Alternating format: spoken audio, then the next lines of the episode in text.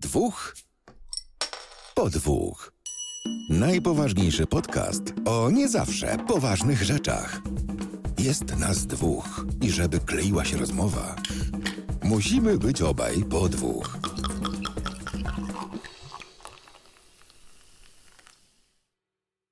Witamy w kolejnym odcinku podcastu Dwóch po Dwóch. I po tej stronie witam Was ja, czyli Krzysiek, po drugiej jest ze mną. Adam się ma. I dzisiaj wyjątkowo. Dzisiaj wyjątkowo, ponieważ nie nagrywamy tylko w dwójkę, jest nas trzech. Jest z nami, ja tutaj trochę zacytuję e, Rysława z podcastu Grysław, czyli jedyny, niepowtarzalny i niezastąpiony Andrzej Muzyczuk. Cześć Andrzej. Cześć, witajcie, witajcie drodzy widzowie, drodzy słuchacze. I y, tutaj dopowiem jeszcze jedną rzecz, bo y, wiadomo, na, na wstępie trzeba ładnie gościa wprowadzić, ładnie tutaj e, e, przedstawić, więc ja jeszcze tak trochę y, dopowiem to, co wcześniej przeczytałem o Andrzeju, bo w sumie e, osobiście się nie znamy, nigdy się nie widzieliśmy, ale miejmy nadzieję, że to w najbliższym czasie się zmieni, ale stwierdziliśmy, że nagramy sobie wspólny, wyjątkowy odcinek i e, Andrzej to jest, e, jak już wspomniałem, współprowadzący podcast Grysław, pomysłodawca i współorganizator Retrosfery, o której jeszcze dzisiaj porozmawiamy, a Retrosfera to jest festiwal komputerów, gier, retro i wszystkiego, co z tym związane. Popularyzator wszystkiego, co jest związane z retrogrami i graniu po tak zwanym staremu. No i zakładam, y, tu uwaga, bo to jest takie moje tylko założenie, że to jest właściciel jednej z większej kolekcji retro konsol, gier i padów na południowy wschód od Wrocławia. Nie wiem, czy to się zgadza, czy się nie zgadza, ale. Tak mniej więcej. Musisz potwierdzić. Chociaż tak, kiwnij głową. Tak, tak, zgadzam się, zgadzam się. Dużą mam kolekcję, No to- choć kolekcja jest troszkę wspólna, bo retroferze nie jestem tylko ja, więc tak, no, już dawno moja kolekcja już przestała być tylko moją kolekcją. Mhm. No to słuchaj, no w końcu w- z tej kolekcji coś tam się rozwinęło, e, o czym też zaraz sobie pogadamy, ale wybaczcie, ja muszę tutaj od razu powiedzieć, żebyśmy coś otworzyli, bo no, pogoda jest, wiecie, poziom Diablo na zewnątrz i, i powiem wam, że te 800 stopni to, to tak od kilku dni mi daje naprawdę mocno wpalnik. E, więc no, z, z, otworzymy sobie po piwku, jak to u nas zazwyczaj bywa. E, Z Andrzejem dogadaliśmy się, że też coś sobie otworzy razem z nami, żeby no, nie siedzieć o suchym e, międzymordziu.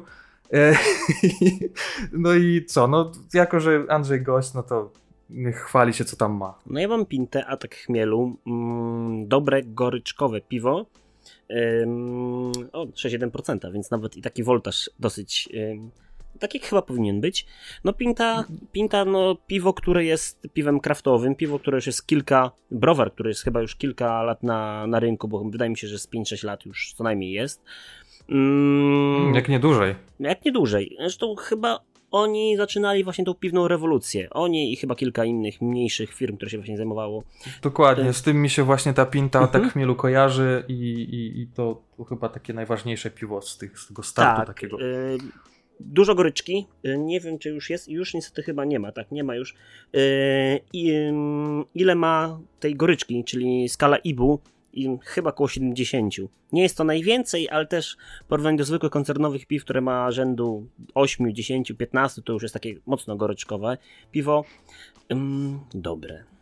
Dobre. Powiem troszkę jak Ja sprzedawca się, e, ma, ma głębie te piwo i warto, jak ktoś lubi piwa albo chciałby spróbować czegoś innego niż taki klasyczny koncerniakowy lager, czy choć już może jakiś pils, no to tutaj i mamy tej głębi dużo, dużo więcej. Troszkę można to porównać jak picie dobrego, mm, mocnego alkoholu. Ten smak się rozkłada na kilka warstw. To nie jest tak, że pijemy i zapominamy tutaj jednak trzeba się w tym troszkę odnaleźć, ale jak się ktoś takie odnajdzie... piwo premium, nie? E, Piwo premium, tak, ale generalnie jak na obecne czasy to już powiedzmy, że te 8 zł to chyba, to już chyba wszyscy wiedzą, że dobre piwo nie kosztuje 2 zł i, i trzeba za dobry Dokładnie. produkt Ja mam najważniejsze pytanie, Proszę. czy zimne jest? Oczywiście, oczywiście. Przecież ciepłe piwo. No. Wydaje mi się, że ciepłego piwa chyba nawet nie wolno za bardzo pić. Bo nie wiem, czy już. No nie jest zalecane, nie, znaczy, nie, nie. Ja nie wiem, z którą konwencją to jest niezgodne, ale generalnie nie powinno się to. No właśnie. Nie, przestępstwo okropne. Ja osobiście polecam Pintę jako browar, czy chyba może bardziej firmę, która zarządza piwami też, bo z tego co wiem, oni sami chyba nie produkują piwa, a są taką firmą, która zleca produkcję i nadzoruje tą produkcję piwa. Ja polecam dla każdej osoby, która chciałaby wejść w ten mm, świat kraftowych piw. Większość piw z Pinty jest po prostu dobra. Przynajmniej tak ja sądzę i ja mogę polecić, więc no, ja mogę już otworzyć jak chcecie. Nie no, jasne, to wiesz, już wy, wygadałeś się, to możesz otwierać. Adam, co u ciebie? Pewnie. E, U mnie jest e, piwo bardzo mocno regionalne, nazywa się Duch Sanu. E, Zostało przywiezione z moich urlopowych wojaży, mm, gdzie byłem przez kilka dni nad Soliną. I co jest zabawne, piwo jest tak bardzo regionalne, że musiałem poszukać na mapie, gdzie ono w ogóle zostało zrobione. Zostało wyprodukowane w miejscowości Bachusz, która to miejscowość w województwie podkarpackim ma około 1450 osób jako mieszkańców. Także to jest bardzo malutka miejscowość, jeżeli chodzi o y, wytwórstwo y, piwa. E, alkoholu ma 6 V z groszem, na 12% ekstraktu ze słodu jęczmiennego zrobione. E, piwo jasne, y, tradycyjne, robione metodą otwartej fermentacji, bez żadnych filozofii. E, jest nawet informacja z tyłu na mm, etykiecie, że powiedzmy, że sponsorem tego, tego piwa jest e, kapela, która nazywa się mm, Bachurzanie. I e, robi się to tam w okolicy domków pod Bocianem. I jest namiar łącznie z numerem telefonów na właściciela domków pod Bocianem. Także bardzo regionalna sprawa. E, jeżeli chodzi o e, cenę tego piwa, no to jak to zwykle w miejscowości turystycznej, no nie powiem ile kosztowało, ale kosztowało. Nie wiem jeszcze jak smakuje, zobaczymy, sprawdzimy. E, Dlaczego To- wybrałem to konkretne? Dla... Z dwóch powodów. Po pierwsze, e, szalenie miła pani, która mi to sprzedawała, a była nieprzyzwoicie e, miła pani, naprawdę.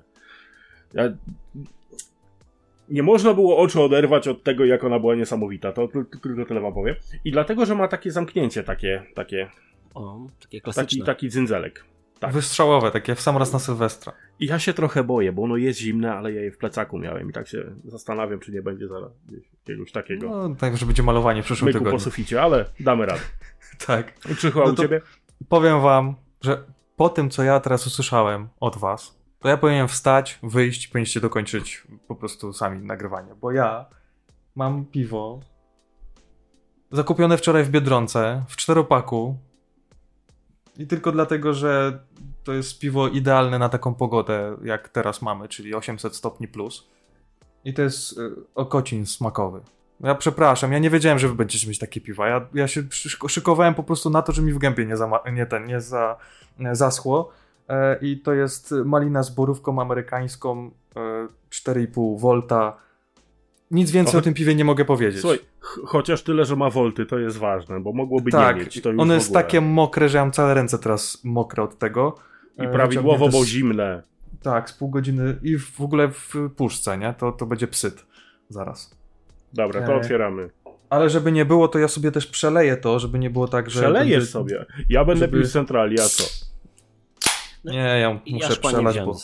Myślałem się o trochę szkle, boję. ale pomyślałem z drugiej strony, się strasznie pienie, więc pewnie będę przelewał na cztery razy. ja wam powiem, bo mam zawsze Ale stracha, odcinek. jeżeli piję piwo przy komputerze, generalnie jakiekolwiek ciecze przy komputerze, bo się zrobi au i będzie rozlane nie tam, gdzie trzeba, a później czyszczenie tego, a piwo nie jest najlepszą cieczą na kontakcie z klawiaturą, a No nie, to nie, nie, to już lepiej wódką zalać, naprawdę. No, jeszcze, żeby była czysta, wtedy jest Zdecydowanie. spoko, bo to co, woda odparuje, alkohol odparuje i w sumie Dokładnie. nie powinno za dużo zostać. Jest, może się jeszcze uratuje co nieco, tak, tak. no nie? A z piwem to jest tak, że ja sobie łyczka zrobię, schowam sobie pod nogi, będzie bezpieczne na podłodze. Jak tam się wyleje, no to najwyżej będzie śmierdzić. No nic więcej, no nie? Dokładnie. No, No. I to jest tak może najbezpieczniejsze być. rozwiązanie. Ale Dobra, panowie, przejdźmy dalej. E, mamy już zimne co nieco pootwierane, ale musimy, musimy iść dalej, Ale bo... pozwolisz, e, że się wtrącę? Przepraszam bardzo. Jasne, Ale jasne, jak już tak pewnie. rozmawialiśmy Od tego jesteś, żeby się wtrącać. o piwach, No, słuchaj, To tak powiem jest. wam taką historię. Y, A propos pinty, bo mm, Mhm. jak jeszcze tak zdarza mi się pijać piwa kraftowe. Staram się, jak mam taką możliwość, zamiast pić piwa koncernowe, kupuję kraftowe, ale z, co do zerówek, zdarza mi się pić zerówki i nie mówię, że to jest coś najgorsze zło na świecie, bo można gorzej trafić niż piwo zero, Ym, a kraftowe zerówki bywają naprawdę, Miłosław jest na przykład taki White Tipa, bardzo dobra zeróweczka, taka Mhm. solidna, ale wracając do pinty. Wyobraźcie sobie tak z 8-10 lat temu. ym, mój bardzo, bardzo dobry znajomy pomagał mi przy remoncie, ale był fanem typowe, wiecie, żubr, Tatra, No te klimaty takie około 2 zł za piwko. I ja do niego mówię, dobra, pomogłeś mi, chodź, zamiast pić jakiś cięższy alkohol, kupię ci naprawdę porządne, kraftowe piwa, kupię ci z pinty porządnego lagera, zobaczysz jak smakuje lager. Ale taki prawdziwy, tak jak Mhm. powinien smakować, a nie to, co ty pijesz. No i poszliśmy do sklepu. Tak, y, y, one, te piwa wcześniej kosztowały, jak teraz kosztują 8 z hakiem pod dychę, to wtedy kosztowały około 7 zł, więc dużych różnic nie było. I tak kupiłem mu chyba z 4 czy 5 rodzajów pint. Sobie też kupiłem atak chmielu, chyba ze 3 sztuki. I tak do niego mówię, pani oczywiście kasuje, tam wyszło 60 parę złotych, więc kwota też na dzień dzisiejszy, no taka standardowa. On taki Mhm. wystraszony, mówię, on mówi do mnie, za to byłyby ze trzy flaszki. Mówię, nie, ale mu, nie musimy się tak bawić, mamy tutaj piwko. Wyobraźcie sobie, żadne mu nie podeszło. Żadne. Poszleciał do sklepu, kupił Tyskiego czwóreczkę i Tyskie spoko, y, Pinta, pierwsza pomoc, to jest takie najbardziej lightowe ich piwo Mhm. w życiu. To nie ten smak, za gorzkie, niedobre, kwaśne. No po prostu są osoby, które piw kraftowych po prostu nie lubią. Po prostu nie lubią. Nawet jakby to były... Też znam kilka takich osób, więc wcale mnie to, powiem ci, Andrzej, nie dziwi, bo e, często się spotykało na jakichś imprezach, że e, ja przynosiłem sobie siateczkę jakichś takich piw, powiedzmy, wyselekcjonowanych, które lubię sobie pić, a niekoniecznie ludzie, którzy tam siedzieli naprzeciwko stołu, e, wiedzieli w ogóle o istnieniu takiego piwa. No i zdarzało się tak, że ja popijałem jakieś w miarę kraftowe piwo, a po drugiej stronie był jakiś Heineken, e, Tyskie i tak dalej. Ale no, co kto lubi. No, Nie no, oczywiście. No, No, ja, tutaj- ja też stawiam, stawiam bardzo dużo. Ja nie, nie powiem, że jestem fanem piw kraftowych. Y, Porządne piwo kraftowe wypiję, ale stawiam granicę. E, Kiedyś zdarzyło nam się tutaj na mm, łamach podcastu wypić piwo, które dostaliśmy w prezencie od naszego bardzo dobrego kolegi Przemka, pozdrawiamy. e, Które to piwo nie wiem dlaczego e, smakowało i dawało aromat taki jak palona izolacja od przewodów. Mhm. Nie wiem, co to było, ale poprzysiągłem wtedy, że to jest absolutna granica, której ja nie przekroczę, jeżeli chodzi o piwa kraftowe. Jestem gotów na wiele eksperymentów, ale jeżeli ja to piję i rozglądam się, czy mi się któryś komputer nie pali, to już jest Oj, źle. pytanie, czy to było yy, tak miało piwo smakować, czy to był po prostu jakiś może nieudany eksperyment piwny? Tak, tak miało smakować. To było obliczone na taki bardzo intensywny smak, który mi się kojarzył, no być może to, wiesz, jakieś nuty figowca z- z Madagaskaru, czy coś innego miało być. Ale- Ale moje plebejskie podniebienie wyłapało to jako po prostu spaloną izolację, więc... No to, to już jest, ja też bym miał, ja bym miał taki dysonans, ja bym już się rozglądał właśnie, czy coś się nie jara. Ja już jak Dokładnie. w domu czasem czuję coś, taki wiecie, taki zapach na przykład czasem em, suszarka do włosów, podobny zapach potrafi dać. Jakaś Mhm. standardowa elektronika, taka lodówka, pralka, cokolwiek. Ja już chodzę po domu, czuję i jeszcze tak próbuję ręką w powietrzu, skąd ciepło idzie. Czy może przypadkiem gdzieś wyłapię to. to ale powiem wam, że to jest, to jest straszne, ale no tak to działa niestety. To jest zboczenie zawodowe Oj, trochę. tak. nie? Troszkę tak, ale z drugiej No. strony też kwestie bezpieczeństwa. Jednak wydaje mi się, że niektóre osoby są nieświadome tego, co się dzieje wokół nich. I na przykład zostawianie ładowarek często podłączonych pod, y, pod USB, pod y, kontaktem, a, a jak się kupuje na stacji benzynowej albo w jakimś sklepie typu wszystko za 4 zł, to te ładowarki, wiecie, to jest jedna wielka bomba, która cyka i nie wiadomo kiedy cyknie i się zrobi buba, no nie? Dokładnie, zrobić, no. no. Najgorzej. Najgorzej. Mm, Dobra. No dobra, no E, to co? Lecimy. Prze przechodzimy do najważniejszego punktu, czyli y, tak naprawdę przedstawienia tego, czym ty się zajmujesz.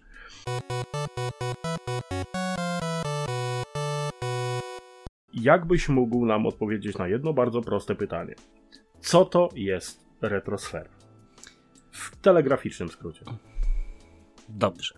Czym jest retrosfera? Jest, jest to mm, nasze takie działanie, tak to można nazwać. Tak, o, inicjatywa, o, to jeszcze ładnie będzie brzmiało, która ma na celu promowanie retrogamingu. Retrogamingu, troszkę ekologii, co też jest, wszyscy o tym zapominają, ale jednak, i świadomości o kulturze, która w jakiś sposób przemija, albo zanika całkowicie, ponieważ często się Mhm. dostęp do starych gier jest albo bardzo utrudniony, Nintendo na przykład, albo niemożliwy, bo wiele gier po prostu gdzieś za, zginie, zaniknie i już po prostu nigdy więcej się już nie pojawią. No i generalnie tym się zajmujemy, czyli promujemy retro gaming. Tak, tak można to czyli granie w stare gry, ale też obcowanie ze starym sprzętem komputerowym czy konsolem, bo konsola to też komputer przecież, no nie? No i troszkę właśnie ta ekologia, czyli właśnie rzeczy związane z tym, że cała graciarnia jest zawsze pod ręką. Jak ktoś coś utylizuje, to zawsze wcześniej pytam, czy nie ma tam przypadkiem czegoś, co mogłoby mnie zainteresować w jakiś sposób. A po co ma to polecieć na jakiś przok czy utylizację, albo co gorsze, do lasu, czy jeszcze w, takie przestrzenie, gdzie no, nie tak, powinno to tak, wylądować. Tak. Więc no tym się zajmujemy. To ma swoje super zalety, czasem troszkę wady, po zawsze po festiwalu plecy bolą mocno odnoszenia tych telewizorów, wszystkiego. To jest, bywa problematyczne. No i tym się zajmujemy. Czyli w e, takim skrócie promowaniem y, granie, grania w stare gry. Mm, y, staramy się, aby ludzie pamiętali o tym, że kiedyś takie rzeczy były. No i też uczymy trochę i edukujemy młodzież, która urodziła się już w latach gdzie mamy internet y, po prostu. Są, to jest pewnik, że jest i mamy dostęp do informacji w każdym miejscu o każdej, każdej porze. No tym się chyba zajmujemy, tak mi się wydaje. Ale wyszło z tego, no. A w dużym skrócie, no, żeby to jeszcze powiedzieć, jeszcze skrócić bardziej, ym, cieszymy się z tego, że możemy się dzielić naszą pasją z innymi ludźmi. O, to też już, to już w ogóle tak romantycznie, jakby to nazwać. Właśnie to jest, to jest chyba też najważniejsze, nie? że jak ktoś ma pasję i jeszcze się tym dzieli, to to jest naprawdę spoko. E, wspominamy o retrosferze nie bez powodu, ze względu na to, że szykuje się piąta, e, piąta edycja i to nie tak jest, że my się spotykamy z Andrzejem, e, bo dogadaliśmy się i on nam zapłacił za to, żebyśmy powiedzieli o tym. Nie, nie, nie, to nic z tych rzeczy. Po prostu my też robimy retro, o czym pewnie się przekonacie słuchając dalej ten, ten odcinek. E, od 8 do 10 września będzie mm, piąta edycja Retrosfery, która będzie miała w, e, odbędzie się w e, miejscowości Brzeg. I ja, Andrzej, w związku z tym, żeby to nie było tak, że ja tylko powiem w telegraficznym skrócie co, gdzie, kiedy, ja mam do Ciebie pytanie takie. Jak wyglądały przygotowania do pierwszej edycji, a jak wygląda to teraz? Co się zmieniło? Czy teraz jest e, lepiej, czy teraz jest gorzej, bo jest na przykład więcej rzeczy do zrobienia? Jak wspominasz na przykład przygotowania do pierwszej edycji?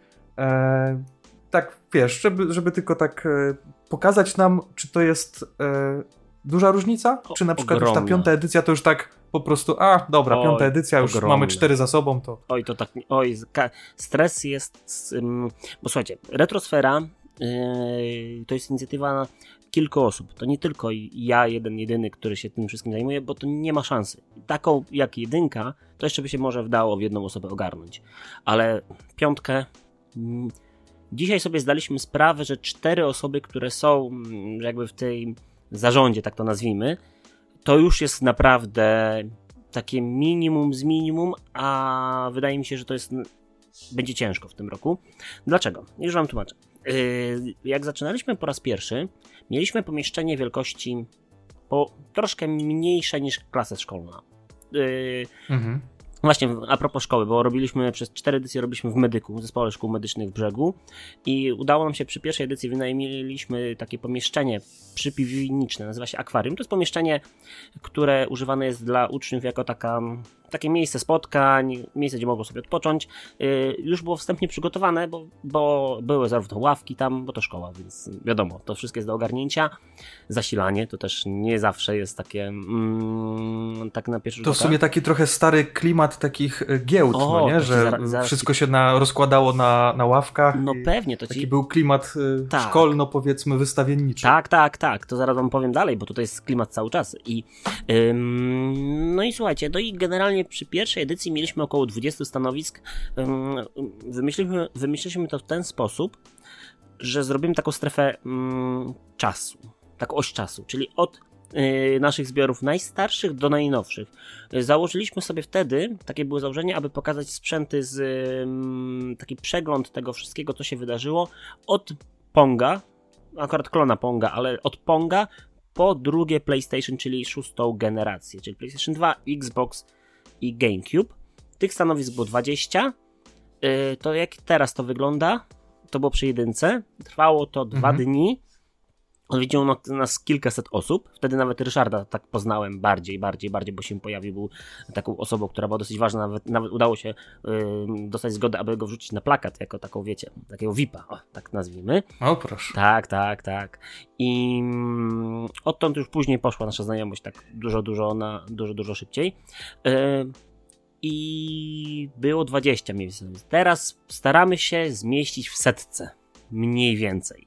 Więc pięciokrotny, już przy poprzednich edycjach było 80 parę stanowisk, ale się rozbu- cały czas rozszerzamy to, y, tą naszą inicjatywę. Po pierwsze, nie zamykamy się na retro tylko związane z właśnie tą szóstą generacją, bo już tak zahaczamy już o PlayStation 3, Xboxa 4, to słuchajcie, to już są sprzęty, które lada chwilę będą miały po 20 lat, no to jeżeli sprzęt już ma 20 lat, prawie 20 lat, Wydaje mi się, że można by już tutaj złapać, ale wiecie, definicja retro jest bardzo, bardzo szeroka, bardzo indywidualna i co osoba, która myśli, że coś jest retro, mm, czym generalnie próbuje to zdefiniować, to dla każdej tej osoby będzie inna, ale to nieważne.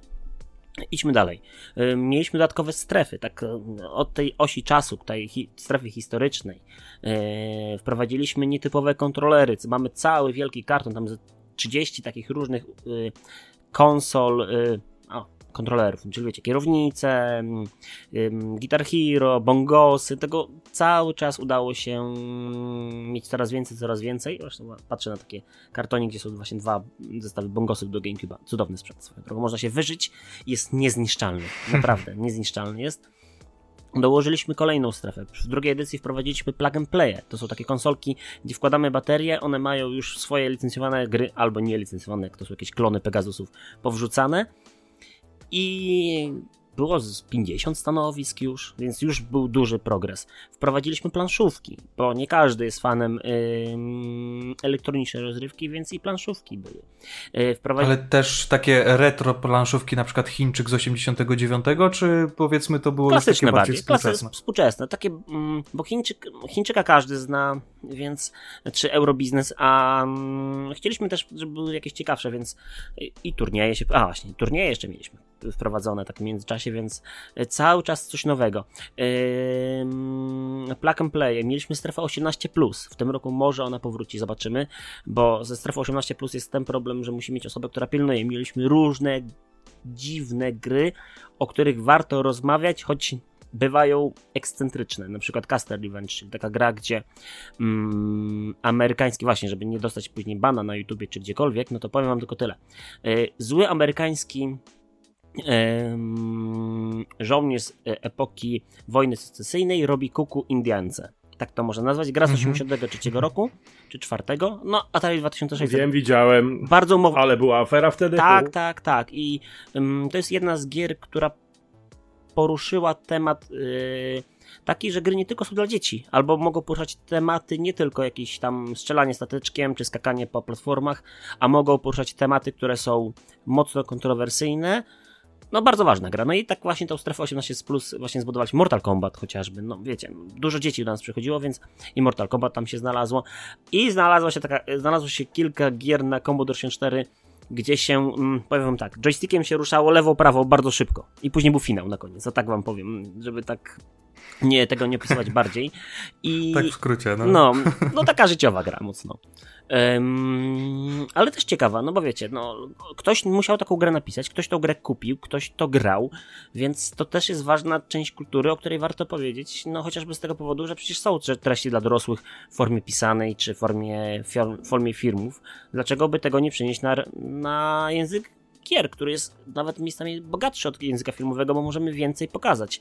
Czy nawet nie pokazać. interaktywność no, jak istotna, dołożysz, jak dołożysz do tego jeszcze Google VR, no to oczywiście, no swoje się y, content dobry. No właśnie, a propos VR-u. Ym, mamy również y, pomyśleliśmy o tym, że może tak, nie zamykajmy się tylko na retro, więc rzućmy też jeszcze tematy związane z VR-em. I w zeszłym roku mieliśmy, w zeszłym, czyli w, czekajcie, w czwórce i w, na czwórce mhm. był M Kwadrat Podcast i Simplex był z VR-em, tak, ze swoim Oculusem drugim, Questem, tak, Questem drugim. I mieliśmy jeszcze VR-a HTC Vive mieliśmy. I słuchajcie, VR to był szał taki, dzieciaki jak wpadły na VR-a, to Łukasz miał problem taki, że mu się już te dzieci mieszały. Nie wiedział, które przyszło, bo to wiecie, jak to jest. Chwilę pogra na VR-ze, powinien, powinno to dziecko odpocząć. A one, wiecie, ustawiły się w kolejce, która miała sznureczek tak z 15 metrów i tylko się podmieniali. I na koniec, i na koniec, tak, i na tak, koniec. Tak, I w pewnym momencie dzie, no, było pewne zamieszanie, ale VR-y, wiecie, to jest szał na VR. I pomyśleliśmy, a dlaczego nie? Fajnie byłoby wprowadzić coś nowego. E, Strefę Lamparty mieliśmy i w tym roku również będzie, mm, czyli można sobie będzie pograć na przykład w Diablo, czy w Quake'a po sieci, czy Unreal'a właśnie. E, Coś takiego klasycznego, więc myślimy też o Heroesach, ale to chyba w przyszły rok już. Z Heroesami trzeba pomyśleć tak Mhm. bardziej intensywnie, bo nie mamy akurat takiego tu- turbo doświadczenia z Heroesami i to by trzeba ogarnąć. Mieliśmy nawet taką jedną strefę, zrobiliśmy turniej nowoczesny. Nowoczesny, czyli Counter Strike zrobiliśmy turniej. Mamy znajomego z, y, ze Śląska, który ma, ma agencję esportową i poprosiliśmy, aby nam taki coś zorganizował. Też było fajnie, były fajne nagrody. Generalnie my się bardzo staramy, aby ym, zarówno wystawcy, czyli osoby, które do nas przyjadą, na przykład chciałyby coś sprzedać, sklepy, które się zajmują ym, sprz- ym, geekowskimi rzeczami, o tak to nazwijmy, y, żeby były zadowolone, czy jakieś food trucki, bo już też udało się już takie tematy, udaje się właśnie jak trucki jakieś ogarnąć. Właśnie, żarcia nie może zabraknąć. No, to No to musi być. Tylko, że tu mamy też jeden z kluczowych takich tak, aspektów. ale też pilnujemy gier. tego, że mamy Y, taką takich imprez. tak, mamy żelazną e, zasadę jedzenia przy sprzęcie nie spożywamy, nie pijamy trunków, to po pierwsze wiadomo, szkoła, no więc nie wchodziło to w rachubę. A druga sprawa, że tak jak na początku wspominałem, ciecze nie są dobre dla sprzętu, tym bardziej starego, więc ym, no tutaj staramy się, żeby to jakoś było tak w miarę uporządkowane. No i no i tak wracając do samego początku. Od 20 stanowisk do prawie 100 w tej chwili.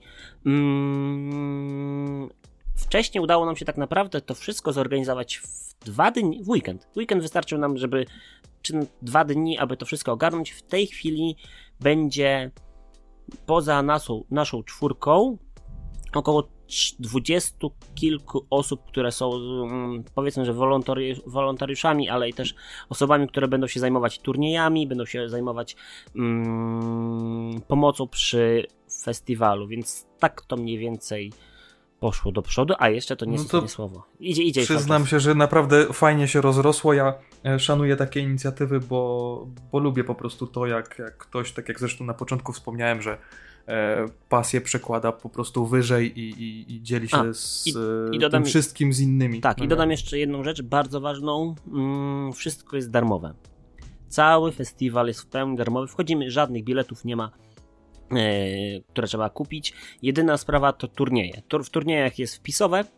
Z tego powodu, że Mhm. to już nawet nie chodzi o to, żeby coś na tym, z tego mieć, bo to nie o to chodzi, bo z, z wpisowego jest częściowo są sponsorowane nagrody.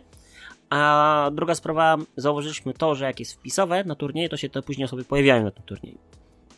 Chodzi tylko o 10 zł, żeby tylko, żeby tylko wpłacić yy, i to nam daje to, że później, tak powiem wam, że Nie trzeba szukać tego. tak, i ta, os- ta osoba jest po prostu. One, się, one są Hmm. i mm, tak mm, z perspektywy ostatnich kilku turniejów, które udało się zorganizować, ym, osoby, które wpłaciły te wpisowe, no to one się pojawiły. Tak 90% zawsze jest, więc to jest też Mhm. ważne, a wiecie, jak jest, problem jest taki, że mamy na przykład gry, w których mamy już ustaloną drabinkę osób, jest problem często, jak na przykład ta drabinka zostanie złamana, bo na przykład trzy osoby się nie pojawią, to później jest później ciężko to wszystko zorganizować. Ktoś jest też nie za, nie za bardzo zadowolony z tego, że odpadnie. No, tutaj się staramy akurat y, tutaj, żeby to miało wszystko ręce i nogi. Regulaminów, milion 500, 100, 900 musi być do wszystkiego, wiecie, papierologia. To się tak wydaje, że wszystko można zrobić tak łatwo i przyjemnie, ale wiecie, zgody RODO teraz muszą być. Oj tak, tak. Trochę, trochę namieszali z tym wszystkim. Regulaminów 1500 ym, y, do każdego turnieju osobny regulamin, zgody prawne, jak mamy wolontariuszy niepełnoletnich. Akurat w tym roku będą z jednej ze szkół wolontariusze, no to musimy mieć zgody rodziców na to, żeby były, byli z nami. No dużo, dużo, dużo też jest takiej właśnie spraw administracyjnych, które trzeba dogadać. Kontakt właśnie z, y, ze sponsorami, to, trzeba, to musimy nieustannie o to zabiegać. Ym, tematy zbiórki. A powiedz mi jeszcze, wejdę ci tak w słowo, Proszę. e, e, bo e, ta edycja odbędzie się z tego, co gdzieś tam przeczytałem w ratuszu w brzegu, więc no, Mhm. można powiedzieć, że w miejscu no, zacnym w porównaniu powiedzmy z, z salą szkolną. I jak Tak.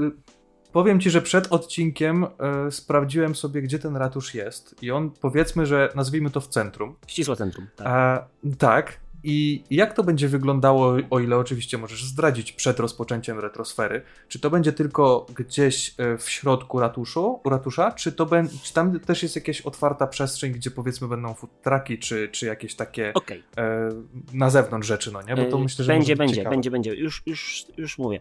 Yy, zacznę jeszcze raz od szkoły, bo to jak wspominaliśmy wtedy o szkole i o tym klimacie takim właśnie staroszkolnym, yy, my mieliśmy na początku to jedno pomieszczenie, później wzięliśmy, słuchajcie, na szczęście to było nisko, co też ma swoje zalety, lekki zapaszek stęchlizny.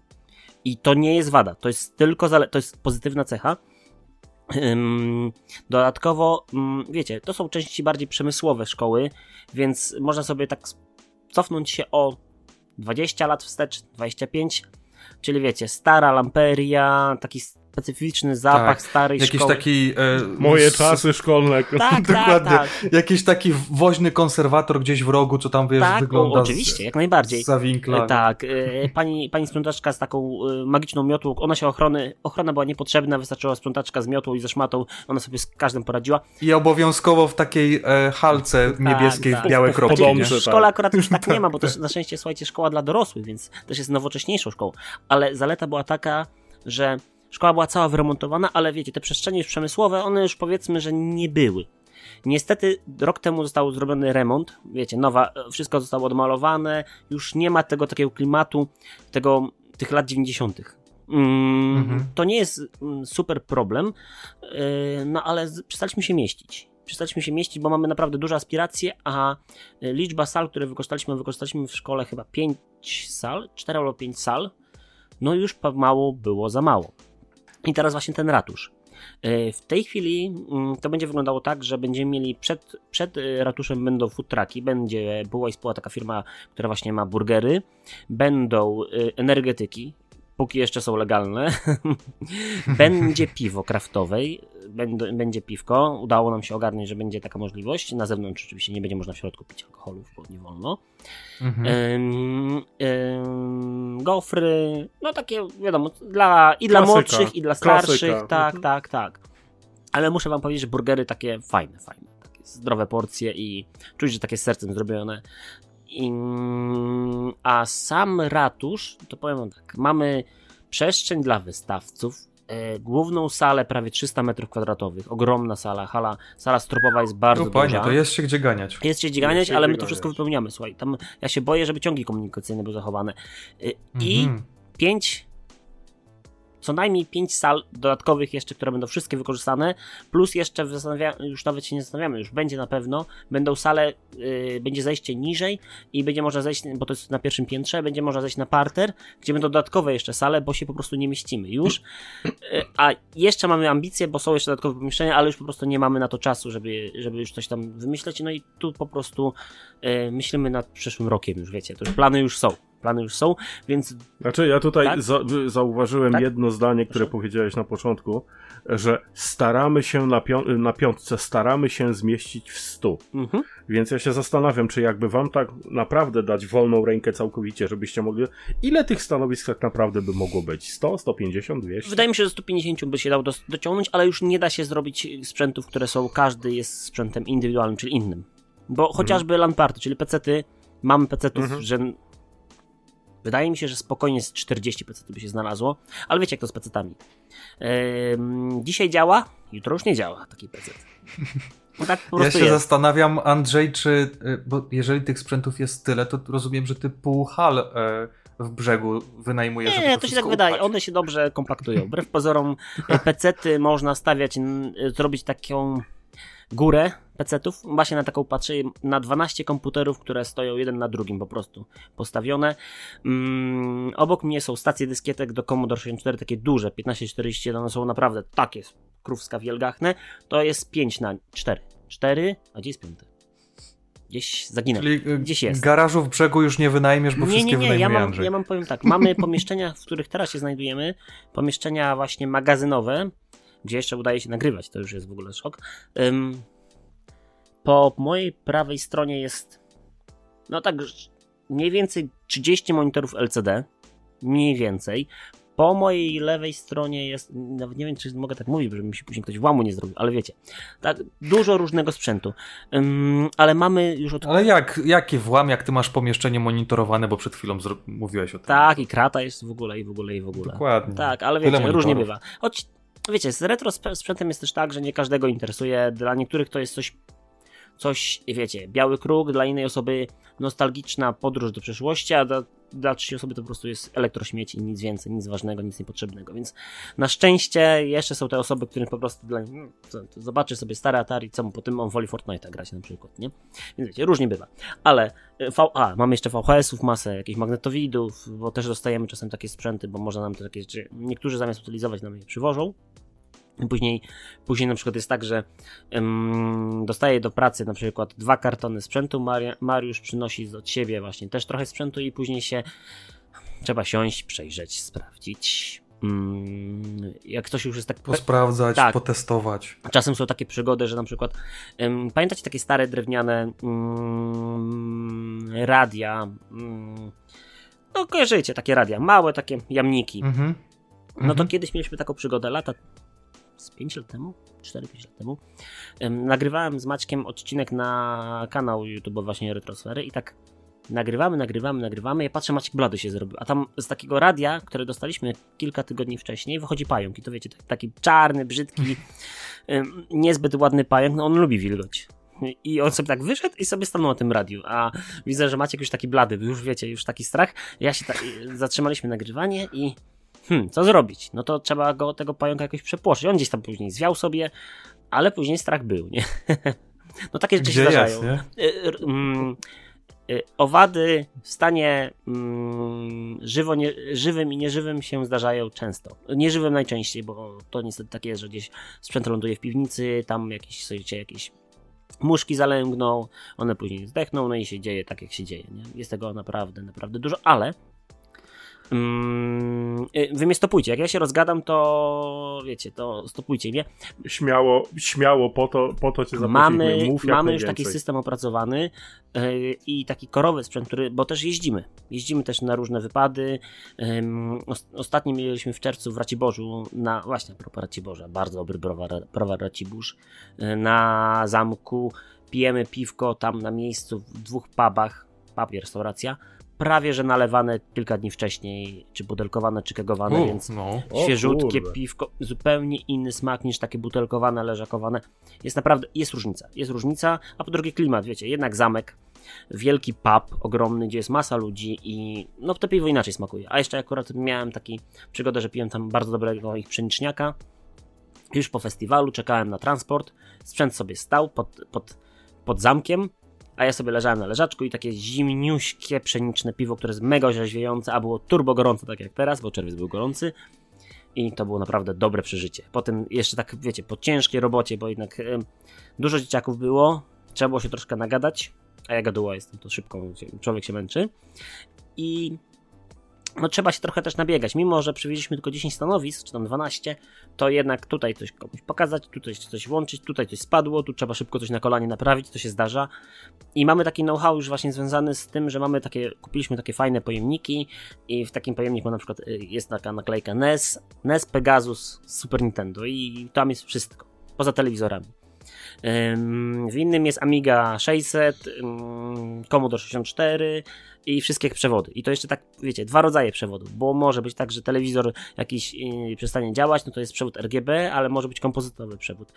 Wszystko jest, wszystko jest i nasza w tym głowa, żeby to wszystko działało, a zdarzały się sytuacje, że wiecie, coś nie działa na miejscu i trzeba improwizować, więc zawsze ten sprzęt, tego sprzętu jest więcej takich jeszcze ciekawych rzeczy, które mogą właśnie widzów czy słuchaczy zainteresować, no to mamy na przykład yy, bardzo dużo przedłużaczy. To jest, wiecie, retro sprzęt na wodę nie jest, trzeba prądu.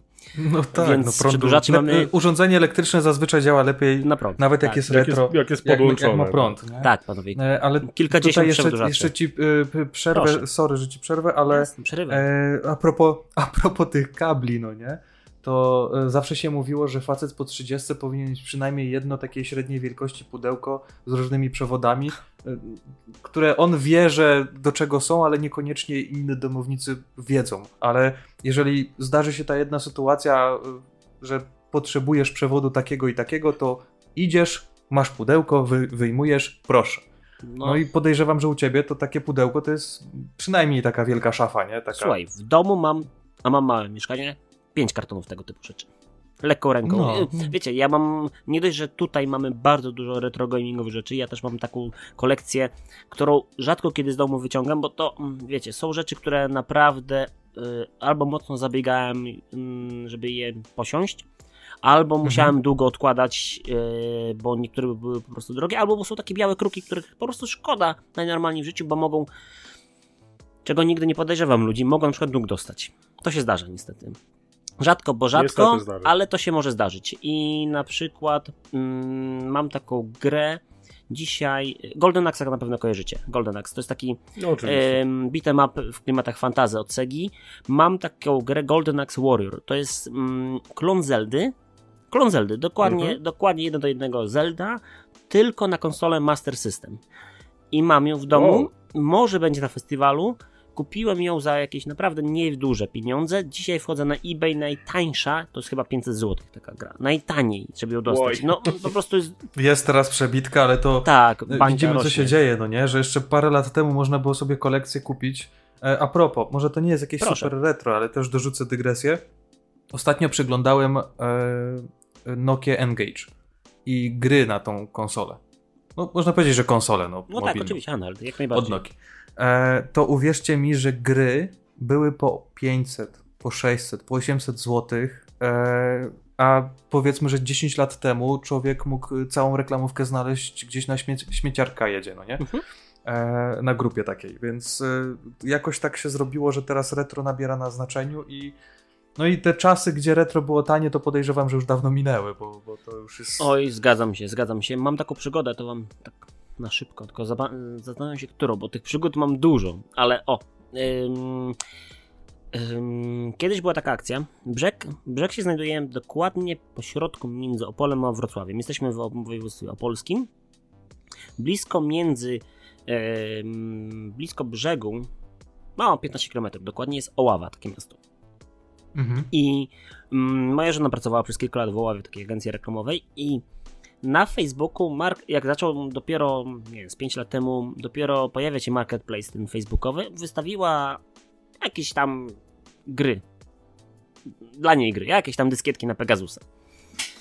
No i ja to wyczaiłem, bo wtedy jeszcze tak naprawdę monitorowałem to bardzo, bardzo mocno. Już wiele z tych gier mam po prostu w kolekcji i już nie muszę tego monitorować, albo już ta bańka jest tak nabita, że powiedzmy, że szkoda mi pieniędzy na niektóre gry, żeby kupić je. -hmm.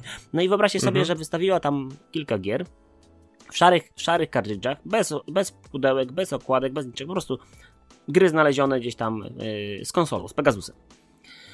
No, i ja tak tylko się pojawiło, to ja od razu to wyczaiłem, bo jeszcze chyba wtedy miałem jakiś skrypt, który mi to w ogóle mm, znalazł, to mm, dzwonię, czy jest dostępne. O dziwość babka miała mój numer, bo to okazało się, że to właśnie koleżanka z pracy mojej żony Hmm. Poprosiłem, aby to mi przytrzymała, żeby to anulowało tą, tą yy, aukcję, czy tam ofertę. Szybko, mhm. szybko ze szwagierką, czy ze szwagrem pojechaliśmy szybko do ławy. No wiecie, to, to, to akcja taka, wiecie, już teraz, natychmiast.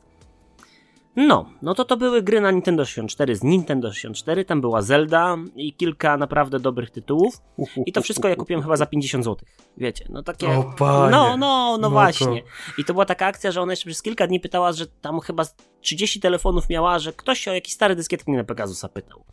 I, i, i takie sytuacje. To ci się udało, no. Ta, ja oczywiście, jak wracałem, to jedyną rzeczą, którą się martwiłem, żeby to nie były gry w języku niemieckim. Bo wiecie, to obniża mhm. ich bardzo mocno wartość. E, dla mnie są bezwartościowe. Dla mnie osobiście, ale mm, wszystkie po angielsku, każda jedna, więc cudownie. To trochę tak jak teraz z grami na Switcha, nie? Że tak. jak ma niemiecką okładkę, to tak no, nie do końca się patrzy dobrze na to. No nie patrzy się dobrze, ale no importerzy różnie robią, żeby obniżyć cenę i tak niestety czasem się zdarza. Ale mhm. no tych przygód miałem dużo, dużo, dużo i raz kupiłem, yy, co ja kupiłem? A, yy, Halo chyba? Nie, y, gry na Pegasusa. O, to tam tak na szybko jeszcze. Y, Gdzieś w lokal, jakaś któraś z wiosek tutaj dookoła, y, reklamówka, le, reklamówka dyskietek na Pegasusa, tak dokładnie było pisane, dyskietki na Pegasusa. Czy kasetki? Kasetki może, albo dysk, nieważne. Ym, za 50 zł. No to w ciemno kupiłem, a tam złota piątka, złota czwórka. Wiecie, takie kultowe, kultowe O, gry na Pegasusa. ty. I udało się kupić. I, a reszta to wiecie, reszta to mydło i powidło jak tam na Pegasusa, jakieś Chip and Dale, y, Country. Ale w całej reklamówce znalazło Tak, prostu tak, złoty tak, gral tak. i, i to jest najważniejsze. Tak, tak. nie? I kilka razy mi się trafiły te złote czwórki. Mam chyba jedną albo dwie sztuki. Jedna jest tutaj, wrzuciłem ją ze złotą piątką do kartonu, inna gdzieś tam, mm, chyba u mnie w domu jest, w którymś z pudełek. I wracając do tych właśnie kabelków i, tego wszystkiego, no to tego jest, mam dużo w domu, dużą dosyć kolekcję. Ja nie jestem takim zbieraczem czy kolekcjonerem, który zbiera, wiecie, pudełeczko mint, instrukcja, najlepiej zafoliowane, leży sobie na półce. Mam kolegę, który, słuchajcie, zbiera sprzęt, konsole i nie gra w gry. On w życiu pogra, zagrał w kilka gier, a zbiera na przykład ma, yy, ma dużo większą kolekcję od nas. Ale wiecie, wszystko w kartonikach, zapakowane, leży sobie w stanie magazynowym. I to chyba jest po prostu forma inwestycji, którą gdzieś znajdzie coś albo z, importuje z, gdzieś z jakiegoś kraju, na przykład nie wiem, ZX Spectrum w kartonie, sprawdzi, działa, ok, porobi zdjęcia i leży sobie na przykład to na półce przez 5 lat. I nie wiem, co z tym mi się No to już rzeczywiście bardziej inwestycja. No ja Tak. też mam, też mam bardzo, bardzo podobną historię odnośnie takich rzeczy. E, Swego czasu tutaj w okolicy ja też byłem znany z tego, że szukam takich starych sprzętów. Oczywiście poddałem się dawno temu, ale e, historia pojawił się mężczyzna, e, mój dzień dobry, czy pan Adam? Tak, no i dzień dobry, słucham pana. No bo wie pan co, ja od znajomego słyszałem, że pan stare sprzęty kupuje. Ja mówię, no dobrze, a co pan ma? No i facet daje mi zdjęcia na telefonie, żebym to zobaczył. I facet tam miał fabrycznie zapakowane Atari z Peweksu z fakturą. O, to. No. I on się mnie pyta, ile ja mu za to dam. Ja mówię, proszę pana, a ile pan za to chce? A dasz pan na dobrą flaszkę i będzie. A co ja mówię, sumienie to jest rzadko spotykane u mnie, ale ruszyło. Ja mówię, drogi panie, ja tego od pana nie kupię. I pana bardzo usilnie proszę, by pan tego nie otwierał. I zna pan stronę eBay. Tak, to niech pan wejdzie na eBaya i niech pan zobaczy, po ile te sprzęty chodzą. Niech pan to jakiemuś Niemcowi sprzeda, pasjonatowi, a wtedy pogadamy. Dobra, dziękuję panu bardzo, nie ma sprawy. Widać, że szczęśliwy nie był, ale poszedł. Minęło miesiąc, może 4-5 tygodni. Facet wraca. Uśmiechnięto od ucha do ucha. Taką flachę mi przyniósł. Kopertę w kopercie Sobieski, nie? Mi on mi chciał serdecznie podziękować, że ja się zachowałem uczciwie, że ja zrobiłem to tak jak trzeba. Wyobraźcie sobie, facet to fabrycznie zapakowane e, sprzedał za ponad 1500 euro na eBayu i to facet gdzieś z drugiego końca Europy przyjechał specjalnie po to, żeby to od niego kupić. Żeby, e, przyjechał osobiście, żeby to wziąć, żeby przypadkiem nie e, kurier nie zniszczył tego w przesyłce ani niczego takiego. Także e, zdarzają się tego typu sytuacje na 100%. Ty też pewnie miałeś No nie jedną, nie oczywiście, dwie. że tak, oczywiście, ale mi się akurat tak super hiper, żeby ten sprzęt był taki mint, czyli właśnie taki super funkielnówka, albo o, leżak magazynowy, o tak to nazwijmy, to jedynie Mhm. co dyskietki. Dyskietek mam dużo, Mhm. ale słuchajcie, dyskietki mam z ZUS-u. Bo mam znajomego, który pracował przez kilka lat w ZUS-ie i mieli akcję utylizacji dyskietek, bo ZUS przechodził na już w końcu na cyfrowo, wiecie, XXI wiek, a ZUS jeszcze 7 czy 8 lat temu na dyskietkach tam ludzie mm, dokumenty zanosili do ZUS-u. No, era XPK, końcówka XPK, jeszcze Windows 7 na początku, to jeszcze dyskietki były, wyobraźcie sobie.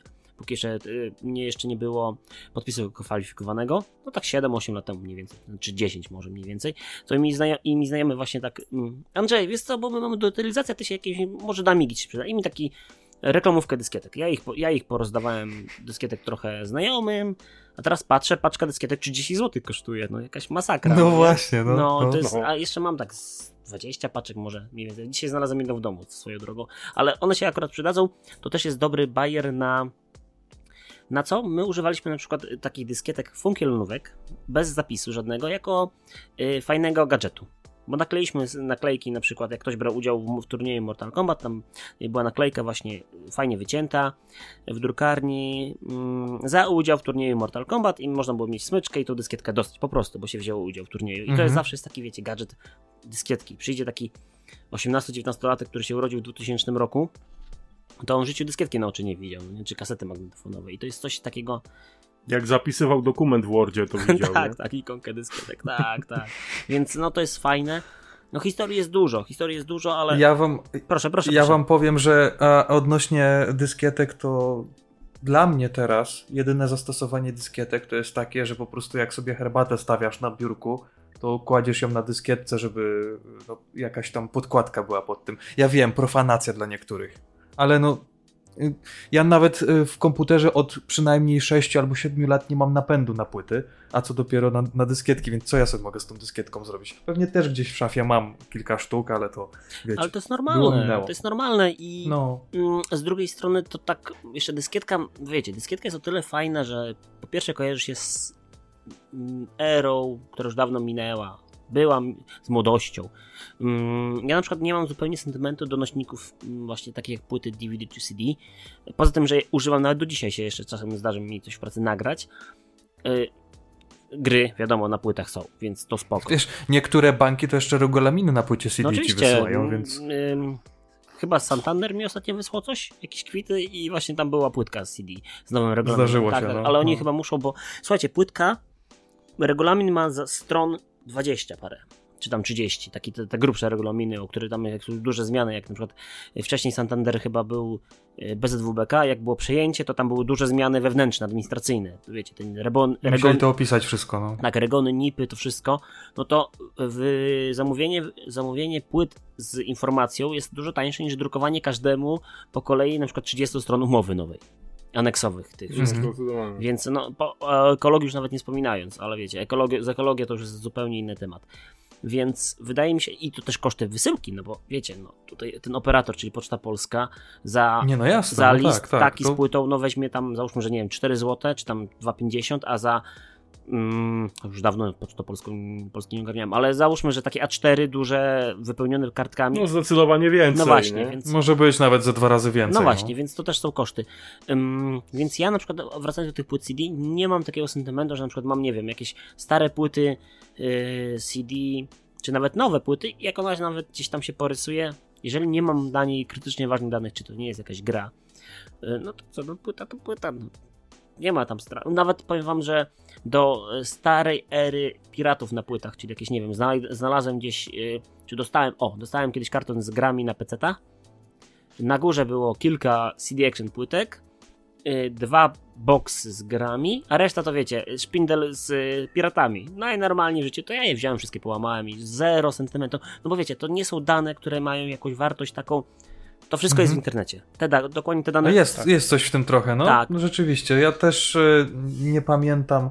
mm, Jakieś tam dane e, swoje trzymam bardziej na jakimś dysku czy na nasie No i tak dalej, ale płyt naprawdę, nawet jakbym przetrzepał te dwa regały, które są za mną, to pewnie może bym ze trzy znalazł jakieś takie płyty i, i w zasadzie tyle.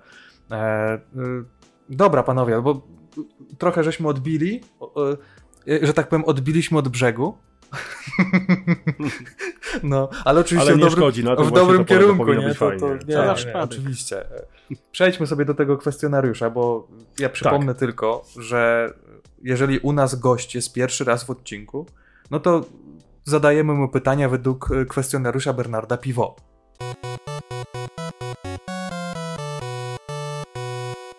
Tak, kwestionariusz jest obliczony na to, by nie wprost pokazać nam troszkę cech Twojego charakteru. I na podstawie odpowiedzi, których nam udzielisz, e, nasi słuchacze i widzowie będą w stanie sobie wyciągnąć wnioski na temat e, Twojej osoby. Zazwyczaj są to wnioski bardzo pozytywne, żeby nie było. E, I teraz tak, w związku z powyższym, jakie jest Twoje ulubione słowo?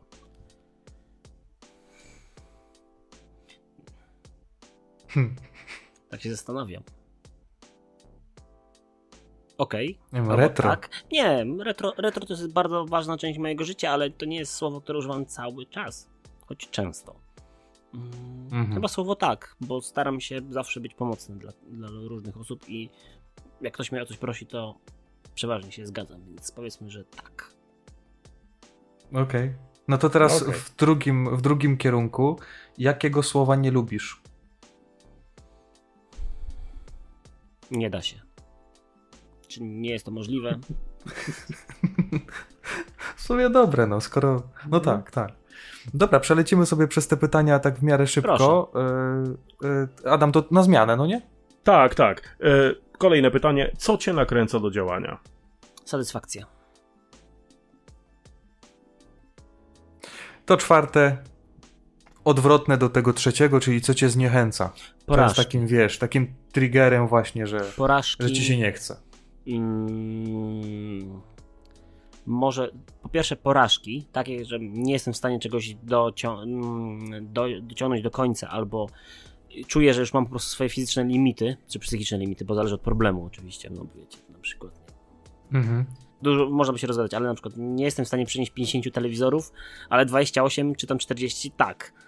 A psychiczne czasem, no wiecie, no są proza dnia, że czasem po prostu człowiek ma dosyć i wie, że już to już, to już koniec. To już po No wiadomo, no każdemu Cza- się zdarza. czasem, czasem nie da Słuchajcie, się. ja jestem- jest jestem- Jestem ojcem dwójki dzieci, więc a doba ma tylko 24 godziny i czasem się po prostu nie da. Najnormalniej w życiu to jest frustrujące, ale czasem po prostu tak już jest. Tak najnormalniej w życiu. Okej. Kolejne. Jakie jest twoje ulubione przekleństwo? A można przeklinać? To- Oczywiście, że tak. Mm, U nas można wszystko. Chyba słowo pierdolić mi się najbardziej podoba, bo jest uniwersalne. Ym, mo, po pierwsze, ma znaczenie, jak je mówimy, wobec kogo je mówimy, czy czego je mówimy. Jest po prostu słowem uniwersalnym i od kontekstu zależy, no, może inaczej, od wymowy tego słowa zależy kontekst później i jest takim. Takim, taką, Kluczem, jest taką nie? inwektywą, która pasuje do prawie każdej sytuacji, którą można. e, To jest trochę tak jak Raffaello, wyraża więcej niż tysiąc słów, tak? tak, tak, no, no co tu dużo mówić, no wiecie, no, mm, choć też, wiecie, jest dużo, język polski, jeżeli chodzi o przekleństwa, jest naprawdę bogaty i, y, i te nasze polskie słowotwórstwo potrafi, wiecie, teraz są różne, można, można kogoś obrazić nawet nie przeklinając w jego stronę, albo i to też jest piękne w naszym języku, więc słowo pierdolić jest, powiem wam, że takim słowem bardzo lubię te przekleństwo. W pracy, wiecie, pracuję z chłopami, więc zdarza się dosyć Mhm. często używać inwektyw, w tym tego słowa. W domu oczywiście, wiadomo, kultura. Staram się być jak najgrzeczniejszy, no bo tak tego wymaga też jakieś tam wychowanie i kultura. No proszę. No oczywiście, tak. Dobra. E, jaki dźwięk lubisz? Głośny. Ale jakiś konkretny dźwięk? Mhm. Nie, myślałem, że po prostu powiesz, że wsadzanej dyskietki i odczytu Nie, nie, danych z dyskietki, ja ale lubię okej. szum, lubię hałas. Yy, często w hałasie. Hałas potrafi mnie uspokoić. To jest bardzo ważne. Szum wokół mnie. Taki, wiecie, Mhm. zgiełk.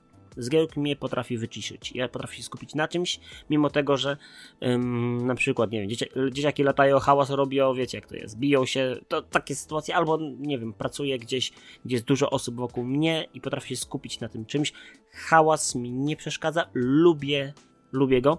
Czas, nie zawsze. Kurde, no to powiem ci, że jestem zaskoczony, bo ja wystarczy, że okno otworzę i usłyszę tam jakąś gromadkę dzieci na zewnątrz, to już mnie po prostu Ale to nie no, oczywiście, że bywają takie sytuacje, że A jak gdzieś powiedzmy lecę samolotem, to muszę od razu słuchawki Nie, założyć. nie, ja lubię, lubię hałas. Wiecie, ja lubię muzykę metalową. To też może być pod tym kątem, że i dla mnie A, no na to- przykład dla mnie na przykład zasnąć przy jakimś ciężkim metalu to nie jest jakiś turbo wielki problem.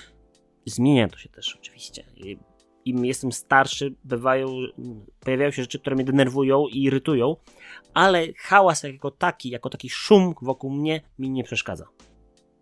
Wiadomo, wiertarka jakby na przykład wierciła, o 22 w sobotę, jakby sąsiad zaczął wiercić, to bym się poirytował mocno i to nie, byłoby, to nie byłby fajny hałas, ale na przykład o godzinie 15 jestem w stanie pomyśleć, że to może być jakiś taki hardcore dubstep na przykład, nie? Wiecie, jest, można pozytywy znaleźć tego hałasu, nie? No można, no. To kolejne? A, a jakiego dźwięku faktycznie nie znosisz? Pisku. Takiego bardzo wysokiego pisku, mm, y, sprzężenia mikrofonu na przykład. To jest taki rodzaj, wiecie, to jest Mhm. bardzo, to jest taki aż, on przez, to jest, to jest taki typ dźwięku, który wchodzi przy, czujesz go całym ciałem, a niby teoretycznie wchodzi ci przez ucho tylko. Taki, bardzo podobny jak na przykład kreda, mm, która się złamie przy tablicy i ciągnie się. To jest bardzo podobna e, skala dźwięku. Bardzo nie lubię pisku. Pisk jest... Albo przejeżdżający Passat Stadei, to też no, taki no, podobny dźwięk. Wiecie, w metalu na przykład mamy wiele, wielu wokalistów, którzy mm, śpiewają bardzo wysoko ale to nie jest taki pisk, który wychodzi poza skalę, który po prostu czuje, że ci mm, mm, kręgosłup się w drugą stronę obraca. To nie lubię, po prostu takiego pisku nie lubię, ale jak jest dobrze, dobrze zrobiony ten pisk, to też jest ok, nie? Ale takiego, no, tego takiego właśnie wrednego pisku, właśnie sprzężenia mikrofonu to jest bardzo nie lubię. Dobra, to kolejne, bo już, już mamy, y, pozostały nam w sumie Trzy? Trzy, tak, to prawda. E, ja myślę, że to ósme i dziewiąte mogę połączyć. Proszę. Myślisz, mhm. Adam, że to jest dobry pomysł? Tak, jasne, jak najbardziej. E, to mamy pytanie o zawód. Jaki inny zawód niż ten, który teraz aktualnie wykonujesz, mógłbyś wykonywać, a jakiego byś kompletnie się nie dotknął? Coś, co, co, co po prostu nie ruszysz, choćby, że tak powiem, skały srały. No dobra, ja jestem na chwilę obecną, jestem za informatykiem i komputerowcem, entuzjastą od, od, od zawsze. Odkąd, no może od zawsze nie, ale tak powiedzmy, że odkąd pierwszy raz miałem do czynienia i cały czas w tym y, siedzę, na dobre i na złe, wiecie, różnie bywa. Jednak rynek pracy w tej chwili jest dosyć trudny, to po pierwsze. Po drugie, nie jest lekko przy obecnej sytuacji y, gospodarczej polskiej, ale to, to powiedzmy, że jest do, jeszcze do jakiegoś ogarnięcia. Informatykę mhm. kocham, choć mnie często drażni i powoduje też, powiem wam, może nie stanę lękowa, ale wyższy poziom stresu niż bym sobie tego życzył. To jest, to jest mm, coś, co bardzo kocham, ale czasami po prostu tego nienawidzę. Wiecie, jakieś tak zwane fakapy w pracy, które się zdarzają. Nikt mm -hmm. tego nie lubi. Szczególnie jak trzeba coś z, szczególnie jak trzeba coś z drukarkami zrobić, podejrzewam. O, ja nie jest... lubię drukarek. Powiem ci, to jest rzecz, której ja, prostu, ja ich po prostu nie lubię. Drukarek, drukarki są szybki, szyb, szybka dygresja. Z drukarkami jest ten problem, że załóżmy, mamy w atramentowych drukarkach, na przykład brodery mają, jeden model ma taką awarię, że tam wewnętrzny taki mikrostyk się psuje, po prostu psuje się. I trzeba się tak z godzinę się posiedzieć, żeby to rozłożyć, zlutować albo podmienić ten mikrostyk, albo po prostu zewrzeć, a z godzinka się później składa do drukarkę. Teoretycznie dwie godziny to nie jest jakiś straszny czas, ale przekładając to na później na potencjalny zarobek, z tego to niewielki jest zarobek, bardziej satysfakcja, że to zrobiłeś, ale niestety drukarki są tak zrobione, że często trzeba podważać jakimiś dużymi przedmiotami. Zdarzają się usterki takie, może nie usterki, mm, faule. Drukarka potrafi sfaulować, na przykład, nie wiem, jakiś wystrzeli jakiś kawałek plastiku, rozetnie skórę, krew się zdarza w takich sytuacjach. Tego nie lubię, dlatego drukarek średnio. No i takie sytuacje właśnie fakapowe, nie wiem. Mm, cztery razy proszę osobę, abym się dowiedział na przykład, czy mogę ten dysk wyczyścić, czy na pewno nie ma danych, a później niepotrzebnie się stresuję, czy na pewno nie. Już nawet robię, już się nauczyłem, że robię sam backupa. Nawet się nie pytam, czy był zrobiony, czy nie. Robię backup, dysk leży z boku. Albo po prostu porażka. Wiem, że technologia pozwoli na to, że działa. Wiem, że za, zawsze działa, a tym razem rozkładam ręce, bo nie zadziała technologia. Mimo wiecie, jak to w informatyce jest zero-jedynkowo, nie? Mhm. A czego bym się w ogóle w życiu nie podjął? Nigdy się nad tym nie zastanawiałem tak konkretnie. Czego bym się nie podjął? Wydaje mi się, że czegoś, co godziłoby w mój kodeks moralny, może w to, tego bym się nie podjął, bo są różne sytuacje, ale nie jestem w stanie tego wykluczyć w 100%, bo wiecie, są sytuacje, które mimo tego, że coś godzi w nas kodeks moralny, sytuacja tego, czy sytuacja tego w jakiś tam sposób wymaga, nie wiem, ratowania rodziny, czegokolwiek, no wiecie, są sytuacje, które po prostu są wyższym, rozkładamy mhm. jakieś priorytety, no nie, i ten priorytet czegoś, czego bym w Jasne. życiu nie zrobił, jest bardzo, bardzo wysoko, ale mm, sytuacja życiowa mnie do tego zmusi, bo w imię jakiegoś większego dobra, no, Wiedźminie na przykład było mniejsze zło, na przykład. no wie, wiecie mm. co chodzi. Hm. Wiemy, wiemy, no. No więc no. wydaje mi się, że no. zawody takie, powiedzmy, najstarszy zawód świata, te, te sprawy, to, to jest rzecz, którą bym się... Polityk, tak. A to bardzo tak. blisko. Ten zawód i ten drugi zawód y, to są po pierwsze zau tak. zaufania publicznego, jeden i drugi. Tak. I jeden i drugi może się odbić czkawką, a nawet i chorobą weneryczną. No. Tak. E, o, czekajcie, tak Sy powiem wam, jak to była taka słynny mem. Mm, A dobra, może lepiej nie, bo później go trzeba będzie wyciąć. Nie, no to prawie po 22, więc śmiało. Mogę powiedzieć go? E, Nie wiem, czy pamiętacie, jak była afera, afera z Leperem parę lat temu. Była, jak jeszcze Leper żył Mhm. i tam mów, wspomniał o tym, że nie można zgwałcić prostytutki. Właśnie mi się tak skojarzyło, że właśnie... Kojarzę, no. Skojarzyłem no, no. sytuację właśnie z tym, że najstarszy zawód świata i polityk to są takie rzeczy, które mm, no, ale wiecie, z drugiej strony nie stoję w tym miejscu, że musiałbym wybierać takie zawody. Nie umiem powiedzieć wam, jakbym się zachował wtedy konkretnie. Nie wiem, ale no, sta- nie chciałbym, nie chciałbym, po prostu nie chciałbym. No dobra, Adam, ostatnie. E, Ostatnie pytanie z kwestionariusza Bernarda Piwo. Jeżeli, twoich, e, jeżeli według Twoich poglądów, Twoich przekonań niebo istnieje, co chciałbyś usłyszeć po przekroczeniu jego bram? No właśnie problem jest taki, że mm, ja akurat jestem ateistą. To tutaj. Mm, albo, i, albo może inaczej. Jestem mocnym sceptykiem. E, mm, co bym. Jeżeli by jednak by. e, Powiedzmy, że mój sceptycyzm przeszedłby w, w, w stronę wiary i w stronę tego, że jednak taki absolut jest i taki, takie Mhm. coś by było. Mm, znaczy, usłyszałbym swoje słowa. Po pierwsze, że się bardzo myliłem, ale raczej jako inwektywy, nie? Wiecie o co mi chodzi. Czyli No, bym stanął przy... Nigdy sobie tego w ten sposób nie wizualizowałem, ale załóżmy, że przykładowo, całe życie wierzę, że nie wierzę. Chcę być świadom tego, że, że nie wierzę, jestem sceptykiem. I Nieważne jaka religia, nie? ale powiedzmy, że jest to chrześcijańska. I jednak się okazuje, że po śmierci zamiast po prostu rozłożyć się, moja dusza, czy tam jakaś moja, ta, te moje jestestwo pojawia się, Jezu, jak filozoficznie, pojawia się w tym, powiedzmy, że niech to będzie, Boże, to jest podcast prawie o grach, Tak. nie? To... Dobrze E, jest. w niebie. Dobrze jest. no to bym powiedział, ale się kurwa pomyliłem, na przykład. Albo coś w tym stylu, albo e, no, no wiecie, jeszcze szczyś jest według religii chrześcijańskiej, więc nie wiadomo, gdzie bym wylądował. Ale powiedzmy, że Znaczy nie, no teraz, teraz przeskakujemy no, w tym no, idealnym no właśnie, e, założeniu. Przeskakujemy idziemy, no i Zero-jedynkowo Tak, tak, Tak, tak, I teraz witają cię tam. Hmm? Po tym, jaki jesteś według własnego No słuchajcie, według te, nie, no, Witają cię, czym cię witają? No dobrym słowem chyba. Tylko tak mi się wydaje, dobrym słowem, no bo czym mogę więcej? Jeżeli jestem tam na górze, to znaczy, że wszystko, co zrobiłem złego, zostało anulowane mi i Bóg w swojej, że tak powiem, nieskończonej miłości, jeżeli... Strasznie to... Kurczę, może bym kiedyś był został kaznodzieją. E, słuchajcie, jeżeli tak, no to po prostu to... Cześć Andrzej i tyle, no bo coś może więcej. Zapraszamy. Chyba tak. No. I fantastyczna Tak mi się wydaje, no bo coś E, mógłbym dołożyć do tego. No tak.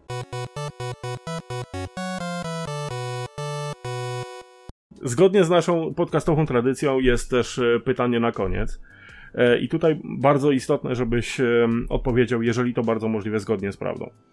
E, I szybko, o. I, szyb, tak, i, i bardzo szybko. To jest jedyne pytanie, które musimy mieć natychmiast. E, uwaga, Islandia jest na północnym Atlantyku. Jej stolicą jest Reykjavik. Możesz pomylić się o 3 kilometry. Co jest lepsze? E, Najnowsza Zelda czy FIFA z 98? No, oczywiście, że nowa Zelda. No i o to chodziło, no. I, Dziękujemy bardzo. I już nie mamy żadnych pytań. No. Ale jedno i drugie mam, No. tak przy okazji. tak, czu- tak czułem właśnie, że to. że Nie, to wąt- może w nie wątpimy w to w ogóle. Ale No. najnowsza Zelda jest, oj, to jest genialna gra. Powiem wam. I, to dzisiaj nie skończyłem. Dalej się przymierzam do, te, do tej wcześniejszej. Nie Trzeba, mogę się zebrać. trzeba, trzeba, trzeba. Wiem, ale ja się boję, że jak siądę do niej, to wsiąknę. Ja mam wiesz, tak żona, samo, dziecko, powiem, praca, powiem wam, sprawy. że ja się, ja się w ogóle przyznam tak na antenie, nie? Tak na żywo, prawie że. I, i, I przepraszam, że tak mówię, ale ja kupiłem nową Zeldę na Switcha w dniu premiery. Poszedłem do sklepu, zamówiłem parę miesięcy wcześniej w przedsprzedaży, co rzadko mi się zdarza. Praktycznie w ogóle mi się to nie zdarza. I jeszcze jej nie włączyłem. Sorry, ale ja po prostu Masz się boję, jeszcze, że jak masz już czas. Y, Tak, ja z jednej strony boję się dlatego, że e, ta gra może mnie wciągnąć naprawdę na Na długo, no. ileś dziesiąt godzin i to tak e, lekko, ale z drugiej strony bałem się tego, że jeżeli jej nie kupię zaraz po premierze, to potem będzie ją ciężko dostać. no to jest. E, Albo albo dostać ją bardzo, w bardzo w, klątwa, w dużo wyższej cenie Nintendo. niż, y, niż powiedzmy ona była jak No, ja ci powiem tak, jeżeli chodzi o Zelda mm, Breath of the Wild, Breath of the Wild i tą najnowszą, to o tyle jest, to, to są fajne gry, że owszem, jak chcesz być, wiesz, takim turbo graczem i po prostu przejść tą grę, da się bez problemu. Jeżeli chcesz się delektować, to też nie jest wielki problem. To jest na tyle przystępna gra, że spokojnie możesz na przykład sobie podzielić to na przykład na sesje półgodzinne czy godzinne i, Mhm. i wiesz, dzisiaj sobie pograsz na przykład godzinkę. Jutro nie pograsz, bo nie masz czasu, bo życie, bo wiadomo, jest milion innych rzeczy. Pojedziesz na urlop, wrócisz z urlopu, pograsz dwie godzinki i ta gra bardzo szanuje czas gracza. To jest też bardzo ważne. Mm, wiesz, mm, Nintendowe RPG to nie są RPG w, takie w znaczeniu takich klasycznych RPGów. Mm, to, No Skyrim to to nie tak, jest. tak, oczywiście. I to nie jest to wada, to po prostu taka jest ta gra. Mhm. I to jest bardzo ważne w y, Breath of the Wild i, i Tears of the Kingdom, że te gry, nawet grane na raty, są bardzo przystępne. Przynajmniej moim zdaniem. Wydaje mi się, że ta nowsza część jest na początku troszkę mniej przystępna, bo jest po prostu trudniejsza. Troszkę więcej mechanik się Mhm. pojawia i po prostu jest tego więcej. Ale jak już przejdziesz Breath of the Wild, to naprawdę do drugiej części bardzo bardzo mm, miękko się można po pierwsze wkręcić w klimat i wejść w ten świat. No, technikalie trochę leżą, to wiadomo, to Switch, no to, to nie ma co oczekiwać yy, nie wiadomo czego, 4K i 60 klatek to tam nie będzie. Ale yy, nawet to nie przeszkadza bardzo, bo ta gra jest... mm, mm, To jest dzieło sztuki, po prostu. To jest dzieło sztuki i to wiesz, to też jest takie dzieło sztuki, bo Solsy też są dziełem sztuki, jak najbardziej. Tylko, że Solsy są specyficzną grą dla konkretnej grupy ludzi. Przy Zeldzie jest, Masochistów? przy Zeldzie jest od, też może, może i masochistów. Albo do osób, które Nie, żartuję, ale to oczywiście absolutnie prawda. Tak, to, to tak. jest dla specyficznej grupy odbiorców i dla casuala to kompletnie nie jest e, fajne. Ja osobiście za Soulsa żadnego się nie złapię ze względu na jestem to, że e, ciśnienie rośnie, frustracja łapie. Nie mam, nie mam cierpliwości Zgadzam zwyczajnie. się, zgadzam się. A jeżeli chodzi o Zeldę, to jest o tyle fajnie, że przy Breath of the Wild e, nikt ci nie broni, żeby grać jak w Solsy. Da się. Możesz od razu Mhm. wychodzić z pierwszej świątyni, od razu idziesz na finalnego bossa.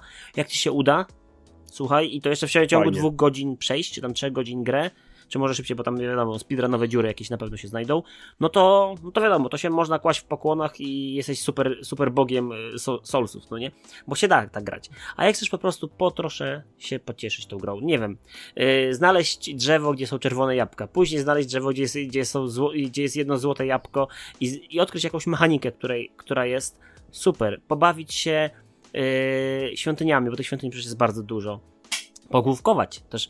To jest też fajne w tej grze, że jak masz tych y, setkę chyba, koło setki świątyń, jak nie więcej ich jest, już teraz nie pamiętam, no to możesz na przykład, jak jedna cię zdrażni, no to idziesz do innej świątyni, bo tych świątyń jest naprawdę dużo i Pewnie. nie ma z tym problemu, aby ym, skorzystać na przykład z mechaniki główkowania, bo wiadomo, nie każda świątynia jest taka sama, w jednej się walczy, w drugiej się główkuje w ten sposób, w trzeciej w ten sposób. Na przykład ja grając w, y, w tą najnowszą odsłonę, mam tak, że wchodzę do świątyni, męczę ją, męczę ją i wiem, że nie wymęczę. Nie jestem w stanie czegoś odkryć i daję sobie spokój. Ona jest A zaznaczona... ile masz już przegrane w tą najnowszą Zeldę? Nie wiem. Sprawdzałeś? Nie wiem, ale dużo, dużo będzie. Ale powyżej setki? Nie, setki jeszcze nie będzie, ale tak 60-70 godzin lekką ręką będzie. Wiesz, ja, ja, Mhm. ja mam, ja czerpię z tej gry satysfakcję nawet z chodzenia i po prostu obserwowania świata. Świata, jak on się wokół mnie... No bo to tam naprawdę y, mam wrażenie, że w tej ostatniej części y, to Tak, tak. ostatniej, najnowszej części to nas tak naprawdę nasza wyobraźnia tylko ogranicza. Tak, oczywiście. Możemy I- przejść, y, wejść wszędzie, pójść wszędzie. Oczywiście, jak masz zasoby i masz możliwości, bo też mam bardzo ważną rzeczą jest to, żeby pilnować tej staminy głównego bohatera, czy tej wytrzymałości, bo Mhm. bez niej się nie, nie będzie możliwości, żeby się wspiąć. E, Jak e, widziałem w internecie filmiki, ktoś miał chyba z 40 godzin i wątek główny nawet nie dotknięty, bo się bawił mechanikami budowania różnych elementów. To jest super. Na początku bywa frustrujące. Ludzie sobie Kerbala zrobili z tej gry, naprawdę. Jak widziałem niektóre machiny, które tam budują. to- No. Straszne. Ja Wow. widziałem y, odtworzenie mm, drogi krzyżowej. Jest gdzieś na YouTubie. Tak, różne rzeczy. Brali te nasze małe potworki, które zbieramy, tam odkrywamy i tam go po... Znaczy trochę mi ich No żal po tym, co widziałem w internecie, co ludzie im robią. Ale to trzeba przyznać, że jeżeli taka mechanika została mm, m, taka możliwość i nie zostało to w jakiś sposób ocenzurowane przez nie, choć może w aktualizacjach to jakoś usunął, no to jest to po prostu może powiedzenie, że Zelda jest jak Minecraft, to nie do końca, bo Minecraft to jest całkowicie otwarta piaskownica, a tu jest bardzo dużo tej piaskownicy i no i to jest fajne też, mimo tego, że ten świat je, wydaje się troszkę pusty, bo wiesz, no jesteśmy linkiem na środku, nie wiem, jakiejś pustynnej przestrzeni i nic nie ma wokół nas. To nie dość, że jest masę fabuły, masę różnych historii, dużo wątków pobocznych, naprawdę dużo. Z każdym prawie, z prawie każdą postacią da się pogadać. W trochę FedExowaniu też się znajdzie, bo to też jest taka gra, gdzie FedExy też się Mhm. znajdą. Ym, ja polecam. Dla mnie to też jest takie, wiecie, taki, taka dawka spokoju, bo mogę sobie po prostu wejść w ten świat, coś, mieć jakiś konstrukt w głowie, spróbować go wdrożyć do gry. Jak on wyjdzie, to super, to mam mega satysfakcję. Jak nie wyjdzie, no to trochę smutno, no ale trudno. Na, następny dzień coś innego pomyślę. Miałem na przykład taką sytuację, że próbowałem na samym początku gry, to nie będzie nawet spoiler żaden. W pierwszych dwóch godzinach najnowszej części jesteśmy w świecie, który znajduje się w chmurach. No i musimy tam podstawowe mechaniki odnaleźć. Podstawowe, yy, podstawowe mm, mechaniki związane właśnie z przenikaniem się, yy, z łączeniem różnych przedmiotów. No i jak już te podstawowe mechaniki mieliśmy, mogliśmy pójść do wielkich wrót i powiedzmy, że przejść do świata, wejść już w tą taką pełną Zeldę, czyli mieć wszystko otwarte. No i, no i ja kombinowałem, co tu zrobić, żeby przejść w ogóle, dojść do tych wrót. Do, do wrót doszedłem, przeszedłem przez te wrota i trzeba było zrobić taki skok wiary, tak troszkę jak w Assassin's Creedzie.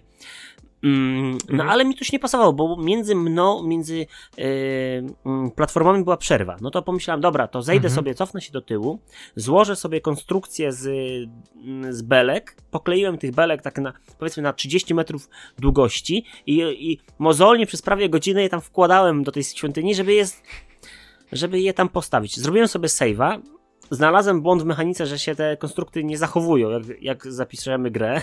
No, przestrzeń, przestrzeń dla gry na to nie pozwala. No dobra, trudno. To jeszcze raz je stworzyłem. Trzy, trzy razy spadłem z y, tej.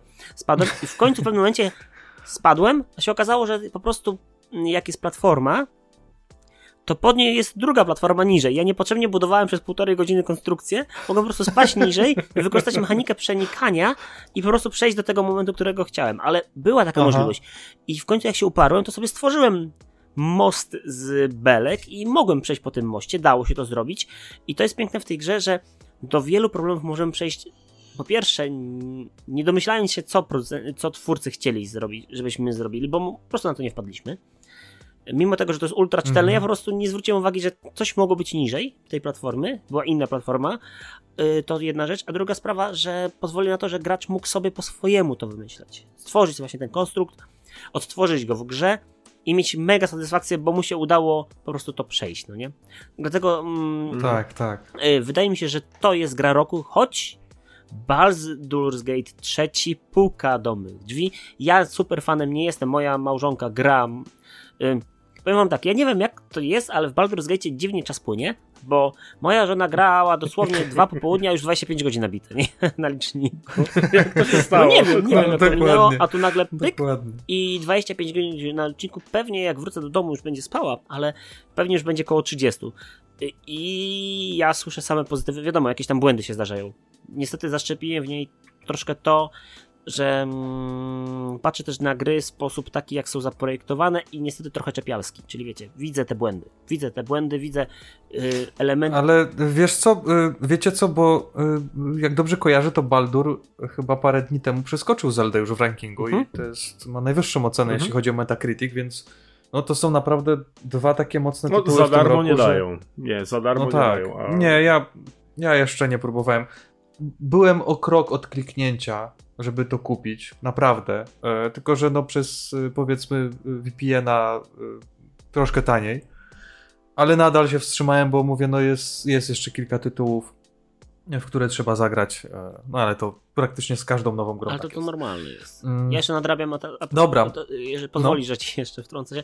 Gwiezdne, Jasne, Gwiezdne jasne. Wojny ocalały, czyli te najnowsze Gwiezdne Wojny. Ja jeszcze jestem przy pierwszej części. Bardzo fajne. połowie, Oj, więc- dobry, taka Metroidvania, troszkę, troszkę slasher, troszkę Souls, jak się podwyższy poziom trudności, jeżeli ktoś chce się męczyć.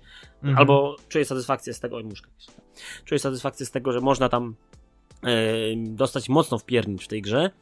Ciekawa gra, trochę zabagowana, przynajmniej jak ja grałem, to miała trochę bugów, później to zostało poprawione, ale klimat ma, od początku do końca trzyma klimat, druga część Mhm. również.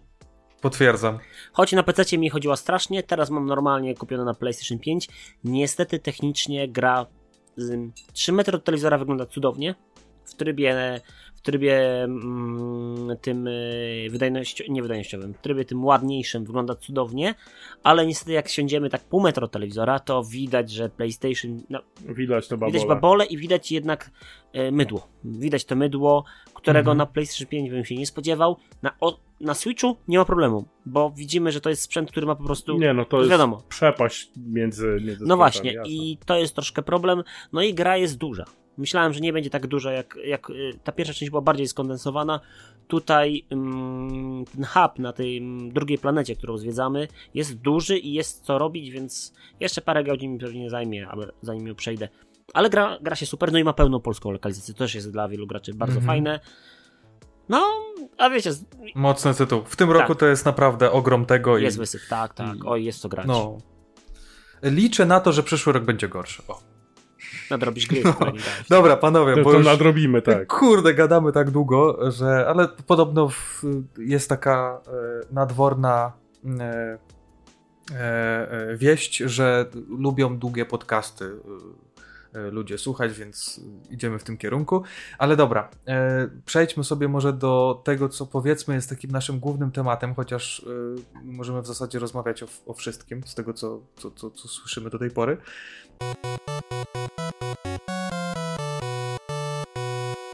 Głównym tematem to miało być to, i w zasadzie będzie to, e, żebyśmy pogadali owszem o retro, ale bardziej w kierunku retro konsol, ROMów i emulatorów. Bo z tego, co ja się przynajmniej orientuję po y, większości odcinków Grysława, które przesłuchałem i przeoglądałem, no to Andrzej y, raz, że ma wiedzę, dwa ma, e, co zresztą też powiedział, masę różnych e, retro rzeczy. I chcielibyśmy pogadać trochę właśnie o bardziej takim współczesnym graniu, współczesnym wejściu w świat retro. Tak jakbyśmy teraz chcieli, czy to pograć w stare gry, e, czy uruchomić konsole stare, czy e, zastanowić się, jak teraz wygląda sprawa retro i dlaczego teraz tak naprawdę to retro nam się tak jakby no troszkę e, bardziej spopularyzowało. I no i od czego możemy tutaj zacząć? No myślę, że e, trochę o retro już pogadaliśmy. E, o samej tej powiedzmy takiej e, ciężko, ciężko tak naprawdę zdefiniować czym jest retro, bo To są stare, dobre gier gry. retro, no to- Stare, dobre gry. E, tak, tak. Ale też chyba niedobre. To, chyba to jest najlepsze. Tak, chyba to jest najlepsze takie określenie, że, że, że to co powiedziałeś. O, bo o, retro, no ja wiadomo, nie, nie. Pozwoli, że się wtrącę Mhm. szybko. No, no I- jasne, jasne. Jasne. Mm, czy PlayStation 3 i Xbox 360 są konsolami retro? Bo mają około 20 lat mniej więcej. Właśnie tu jest problem taki, że ciężko jest zdefiniować, co tak naprawdę jest retro. No, no umówmy się, no, dla niektórych retro to będzie e, pierwszy Pong, a dla niektórych retro będzie, no tak jak wspomniałeś, na przykład PS3, ale ja tutaj też w tej naszej rozpisce mam zapisane to, czy konsola PS2 jest już retro. Ja bardziej chyba bym się PS2 skłaniał, na 100% moim skłaniał właśnie, żeby tak, jakbym miał odgrodzić, co jest bardzo, bardzo ciężkie, to wydaje mi się, że PS2 to bym tak odgrodził pomiędzy, zrobił taką y, y, zagrodę i rozdzielił PS2 od PS3. Ja ci rzucę przykład. Chociaż to wiadomo, nie każdy, nie każdy się z tym zgodzi. No ja biorę pod uwagę PS2 tylko dlatego, że no nadal jest to najpopularniejsza konsola na świecie. Jest pierdyliard gier na to i e, no wydaje mi się, że różnica nawet pod względem graficznym pomiędzy PS2 a PS3 jest zauważalna. Nie no, ogromna jest, ale tak samo jest ogromna No. różnica między PlayStation 1 a PlayStation 2, albo jeszcze wracając się wstecz, między na przykład Atari Jaguar a PlayStation 1 jest ogromny. To są kamienie milowe, przeskok, to są skoki Tak, ale wiesz co, wydaje, wydaje mi się, że pomiędzy PS1 a PS2 nie było takiej różnicy Ogromna była. graficznej. Ogromna była. Była, była. Była, ale nie wiem, czy y, większa by była pomiędzy PS2 a PS3 niż PS1, PS2. Mm, To zależy od tytułu. To też jest no, bardzo indywidualne. Też, jasne. I od tego, kiedy wyszedł, no nie? Nie, no czy na jasne. początku To ja powiem, istnienia konsoli, czy na końcu. pytam się o Xboxa 360 i PlayStation 3? Przykład mojego brata. Ja mam 37 lat, mój brat jest 17 lat od mnie młodszy, ma lat 20. Jak ja kupiłem, Mhm. ja kupiłem, o, słuchajcie, nie ja kupiłem, tylko wspólnie z moją wtedy narze... dziewczyną jeszcze, jeszcze narzeczoną. Kupiliśmy razem PlayStation 3 chwilę po premierze, dosłownie kilka miesięcy, jeden, dwa miesiące. Jeszcze konsola startowa, zwykła 60, gdzieś tu nawet leży, gdzieś podobno, albo to samo, albo mm, w Empiku za jakieś straszne pieniądze, wiecie, pierwsza robota, którą miałem, gdzie już mogłem coś wziąć na raty, miałem zdolność kredytową, wiecie, pierwsza robota e, po szkole. I e, za 2200 albo 2400, no straszne pieniądze, no wtedy te, to tak Na tamte czasy Tak. to było ogrom. Nie, to, to kolosalne. No, no, była kolosalne. zaporowa cena no, wręcz. oczywiście. No i wyobraźcie sobie, że mm, mój brat chodzi wtedy do podstawówki, mniej więcej tak mi się wydaje, to be- gdzieś tak mniej więcej będzie. Yy, I on grał na, w gry na PlayStation 3, jak oczywiście jak ja, ja mieszkam z rodzicami, więc on grał ze mną w te gry i on tego dzisiaj nie pamięta za bardzo. Kojarzy te gry, kojarzy pada, kojarzy konsolę, ale to jest coś z jego młodości. Jakby teraz go pytam, bo będzie zresztą na, na retrosferze i pytam go, to on, no fajne było, no w młodości my graliśmy, pamięta, jemu się kojarzy z dobrymi czasami, bo on siedział w domu ze mną w pokoju i łupaliśmy, jeszcze moim drugim bratem, i łupaliśmy, nie wiem, na przykład w Resistance'a pierwszego, albo w jakąś inną, e, Motor, Motorstorm był na początku właśnie z tych gier premierowych, albo pierwsze Uncharted i było pad szczęki. I dla niego to będzie coś, co pamięta z młodości, co później był PC, wiecie, skok technologiczny, on już się robił bardziej świadomy, już miał tam, nie wiem, powiedzmy, że 14 czy 12 lat, już był bardziej świadomy i Mhm. Dla niego to będzie ewidentnie konsola retro, bo jemu się kojarzy po prostu z młodością i to jest takim czymś, co było kiedyś. Za bardzo tego już dobrze nie pamięta, szczegóły mniej więcej, szczegóły mu się trochę rozmywają. Wie, że był pad bezprzewodowy, że Blu-ray, coś tam, nigdy Blu-raya nie odpalił. Aha, i, po, i wtedy zobaczył po raz pierwszy, że jak wygląda obraz w HD, bo do PlayStation 3 e, wypełniłem, tam był taki formularz do wypełnienia, dostałem z UK, mam to dzisiaj w, komp- w domu w kolekcji, e, Bonda, e, pierwszego z Craigiem, Mhm. mm, Casino Royale. I tam naprawdę robiło to jakość. Mimo tego, że 720p, y, nie, telewizor miał 720p, czyli te HD Redy, a film był teoretycznie Full HD, to wiecie, to były w porównaniu do DivXów, bo to era DivXów, To jasne. y, No. to X-Widów. tak, i ja, po, ja pokazałem, puściłem film, pokazałem mojemu ojcu jakiś tam kadr. Tato, tu trawę widać, poszczególne źdźbła trawy, a wiecie, Mhm. kadr sprzed paru metrów, w tej chwili takie, taką jakość mamy komórkami już nagry- możemy nagrać, ale Tak. ileś lat temu to było coś, co wiecie, to było niesamowite. Więc dla takiej osoby jak mój brat, dla niego PlayStation 3 będzie ewidentnie sprzętem retro, bo to coś fajnego, kiedyś pamiętał, kojarzy mu się z czymś fajnym i wiecie, z tą beztroską młodości.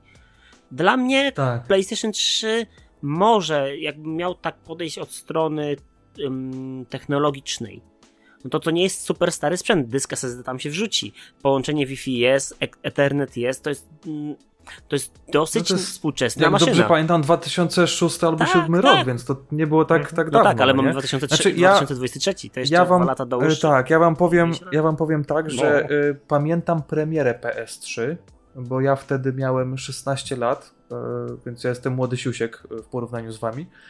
E, po pierwsze, konsola mi się turbo nie No, podobała. to Ona była błyszcząca, duża i taka opływowa. To e, ja zaryzykuję stwierdzenie, że PS5 mi się bardziej podoba niż PS3. To nie jest popularne stwierdzenie, ale okej, niech tak będzie. Proszę bardzo. E, no właśnie, Piękna. nawet, nawet teraz Piękna. widzę w odbiciu, że. Piano Black, że no jest to po jest najgorsza rzecz. To, Piano Black. Yy, tak, dla tych tak. osób jest specjalny krąg piekieł, które wymyśliły Piano Black. dokładnie, Naprawdę, dokładnie. to jest masakra. Tak.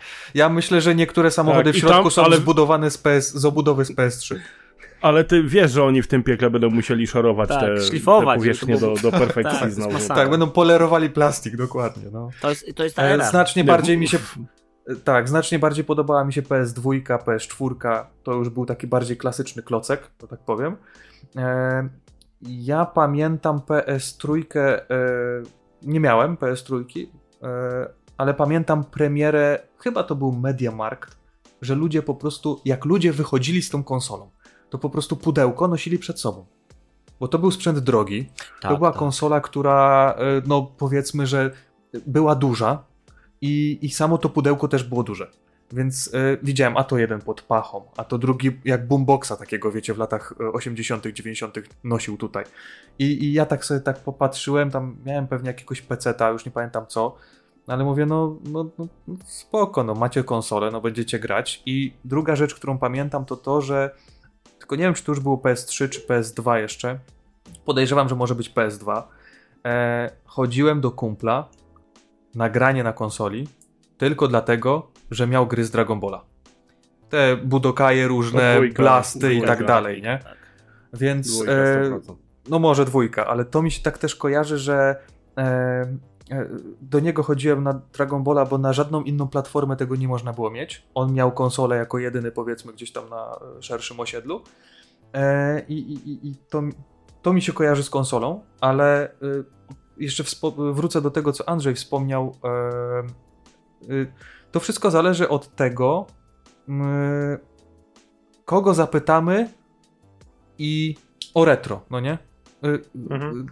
Mnie zapytasz o retro, to ja powiem, no pamiętam jak grałem na Pegasusie z moim e, e, kuzynem gdzieś tam e, u babci na bardzo kwadratowym telewizorze i się bawiłem dobrze. Ty zapytasz e, brata i się okaże, że no dla niego jest PS3 jednak retro, nie? I to wszystko zależy od tego, kogo w jakim wieku zapytamy, nie? Podejrzewam, ja że starałem się kiedyś sobie ustawić taki mm, zakres, kiedy dla mnie sprzęt staje się retro. E, I stwierdziłem, że podejście matematyczno-produkcyjne jest dobre. E, jeżeli dana platforma jest zakończenie produkcji, tak jak w przypadku PlayStation 3, zatrzymali produkcję, tam pomijam fakt, że wyszło PlayStation 4 później, no wiadomo, i tak dalej, nie? Z, zatrzymali produkcję i od tego momentu mija między 5 a 10 lat. Wtedy traktuję konsolę jako retro. No to też jest dobre mm, podejście. Mm, Okej. Okay. Tak, tak jest moje podejście, bo, bo nowego egzemplarza, no teoretycznie nie powinno się dać dostać, ale jeszcze te zło, złogi magazynowe nie, no będą, no nie? Będą, no. a, z a z drugiej strony, no to już jest na tyle wiekowy sprzęt, że już go nie robią i to może być... Jest to jakieś... No moim, moim zdaniem to jest taka, taka moja prywatna definicja, nie wiem, czy się zgadzacie. Znaczy wiesz co, akurat powiem ci tak, twoja definicja jest spoko, bo ma podłoże matematyczno-historyczne i to jest spoko. Um, nie ma podejścia sentymentalnego, a często jest tak, że y, retro gaming, bo o tym cały czas mówimy, o retro w kwestii gier i sprzętu z tym związanych, mhm. no to po tym y, tutaj też właśnie często wydaje mi się, że najba, najwięcej ma, największe ma znaczenie sentyment dla nas. Bo mhm. ja mam 37, ale Ryszard ma 50. Rysław właśnie. I dla niego retro gaming mu się kojarzy, wiecie, 8-bitowe Atari, Commodore 64, czasy dawno przemienianego PRL-u, no coś zupełnie innego i zupełnie inna sytuacja niż ta, która, którą, ja, którą ja miałem, bo jak on grał na Amidze, to ja, wiecie, to ja Siusiu Majtek byłem mały, nie? I ja, no, a ja byłem w produkcji. No, no, właśnie, więc wiecie, no... Znaczy nie w produkcji, ty byłeś błyskiem w oku taty. No, chociaż, albo tata grał wtedy na Amidze, nie?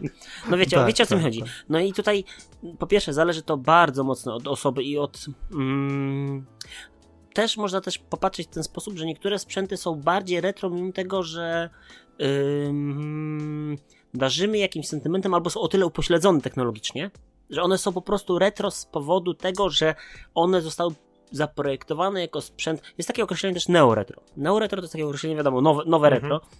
Czyli sprzęty, które pozwalają zagrać, chciałem tak płynnie przejść właśnie do tych konsolek nowych, yy, które mhm.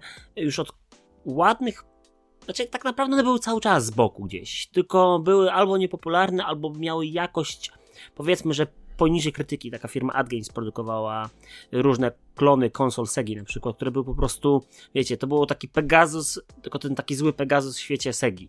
Wiecie, to było źle mhm. wykonane, rozpadało się w rękach, plastik prawie że rakotwórczy. Jakby mogli, to by zrobili jeszcze gorszy. No wiecie, no taki niski, niski lotów sprzęt. Gry miały fatalną implementację, czyli one działały, ale dźwięk był zły. Na przykład, jak mamy całe pasmo, to takie, wiecie, jak mamy takie piękne pasmo płyty CD, to zrobiła się tylko taka MP3 128, wiecie, tam słychać, że słychać, no, nawet że gorzej. niby jest, albo o, 64, to wiecie, już takie pasmo bardzo metaliczne. Mhm. I takie mocno powycinane. Tak, no. i to po prostu była karykatura bardziej niż sprzęt. I to zmieniło, słuchajcie, mm, jeżeli chodzi o konsole, powiedzmy, że coś ala stacjonarne, zmieniło to Nintendo. Nintendo wydało NESa Mini. y, konsolkę, która odniosła ogromny sukces. Ona była droga, bo ona na starcie kosztowała, zresztą una- 600, no około 700? 600 stówek i jeszcze problem był taki, że straszna kontrowersja, bo oczywiście Nintendo w Polsce nie ma, więc zajął się tym ym, czeski importer, Biedny, biedny, biedny Conquest. tak jest. I oni też ym, w Wielkiej Brytanii ta konsola kosztowała, jak jeszcze tam można było kupić ją przeliczenie na złotówki tam 400 zł czy 399. U nas nie wiadomo dlaczego, mimo tego, że podatki też są opłacone, kosztowała 600 zł. No ale taka była polityka firmy. No wiecie, no, no i, i Nintendo się na to zgodziło. Ale Ni- Nintendo też, Nintendo też słynie z tego, że oni, mm, tak jak w przypadku, na, nie wiem, Amiibo e, i innych produktów tego typu, oni sztucznie kreują, e, moim zdaniem, nie wiem ile w tym prawda, ale sztucznie kreują e, wartość produktu, bo wypuszczają go cholernie A nie, no mało. oczywiście, że tak. I z tymi konsolami było też, też podobnie, bo ich było. Właśnie to mnie zastanawia. Skąd się nagle, no bo to wyszło parę lat temu i zaraz po tym poszły za ciosem kolejne. Był Mini SNES, później było PlayStation Mini i tak dalej. E. Skąd się nagle wziął ten, wziął ten e, boom na to, że, że to się nagle zrobiło tak popularne? Znaczy, wiesz co, wydaje mi się tak, po pierwsze przy Nintendo się zrobiło to, że mieliśmy jedną partię na początku, na premierę i koniec i nic nie było. I więcej i Nintendo Mhm. nie doprodukowało, bo oni wyprodukowali dopiero chyba przy pojawieniu się SNES-a i dopiero wtedy się pojawiła kolejna chyba partia. Wiem, że to było tak, że konsola kosztowała 600 zł, później było ich trochę na rynku, bo okazało się, że ich jest więcej niż, niż pierwotnie, choć się sprzedawały świetnie. Ja miałem swoją na premierę kupioną, tam mój znajomy, który udało mu się od Conquestu, zamówił 30, dostał 5, no bo importer miał mniej ich. W tym jedna dla mnie była już zabukowana i w ogóle to było szał. Ehm, wiecie, taki nowoczesny Pegasus, ale tak zrobione z ręką Nintendo. Czuć miłość Nintendo do sprzętu. Czuć też czuć Excela, ale czuć tą miłość. Tam jest wiele sprzecznych ze sobą rzeczy, ale czuć, mimo tego, że tam tak naprawdę w tym NESie Mini był sprzęt z, wtedy średniej jakości tabletu, bo tam procesor nie był zbyt mocny, ale wiecie, to jest, ne- to był NES, Pegasus, no to tam pralka, znaczy kontroler z pralki by spokojnie to mógł emulować, więc e, tak było właśnie też z NESem Mini, ale był wykonany, wiecie, ten plastik był taki porządny, taki mm, solidny, pad miał ten, te odczucia z obsługi pada były takie jak z oryginalnego. Jak wzięło się dobrego, oryginalnego pada od NESa, to mm, NES Mini miał po prostu, to było to przełożenie jeden do jednego. Będą i jedna i druga konsola będzie na retrosferze, można sobie to zobaczyć, to czuć po prostu, czuć tutaj miłość, z drugiej strony zamknięta platforma, Nintendo, wiecie jak to, jak to z Nintendo, jeden Klasyka, kontroler w no. komplecie, dwóch nie ma, bo po co, zmieniło się to przy SNESie Mhm. Mini, już były dwa kontrolery, już było lepiej troszeczkę. No i ten boom był, no bo wiecie, słuchajcie, no okazało się, że można zrobić kon- konsolę, która względnie nie jest strasznie droga, bazuje bardzo na nostalgii, bardzo, bardzo, no bo jednak 8 bit. Do tego jest świetnie zrobiona pod kątem i oprogramowania, bo ta emulacja była naprawdę dobrze zrobiona. Do tego miała ten sznyt taki Nintendo, czyli taki, że była przystępna dla każdego. Można posadzić przed konsolą osobę, która nie ma yy, doświadczenia z obsługą tego typu urządzenia, ona sobie po prostu odpali Mariana i będzie mogła sobie w Mario. Bez problemu najmniejszego. Czy p- podejrzewam, mm, wiecie co, że mm, tak ci się trochę wejdę, e, bo ja na przykład bazuję e, to na podstawie PlayStation Classic. Też pewnie kojarzycie, Oczywiście. pojawiło się. Mhm.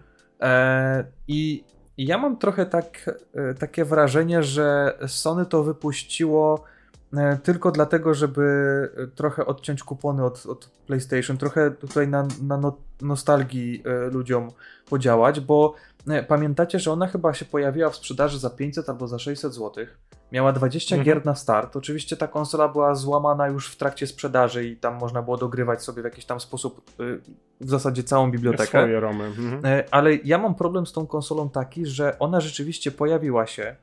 Według mnie, jak na to, co oferowała, była za droga na starcie, ale bardzo szybko było tak, że ona staniała. Ona chyba nawet staniała do poziomu 800 chyba, e, boże, 800, 80 czy 90 zł. 79 zł Był taki moment, wakacje.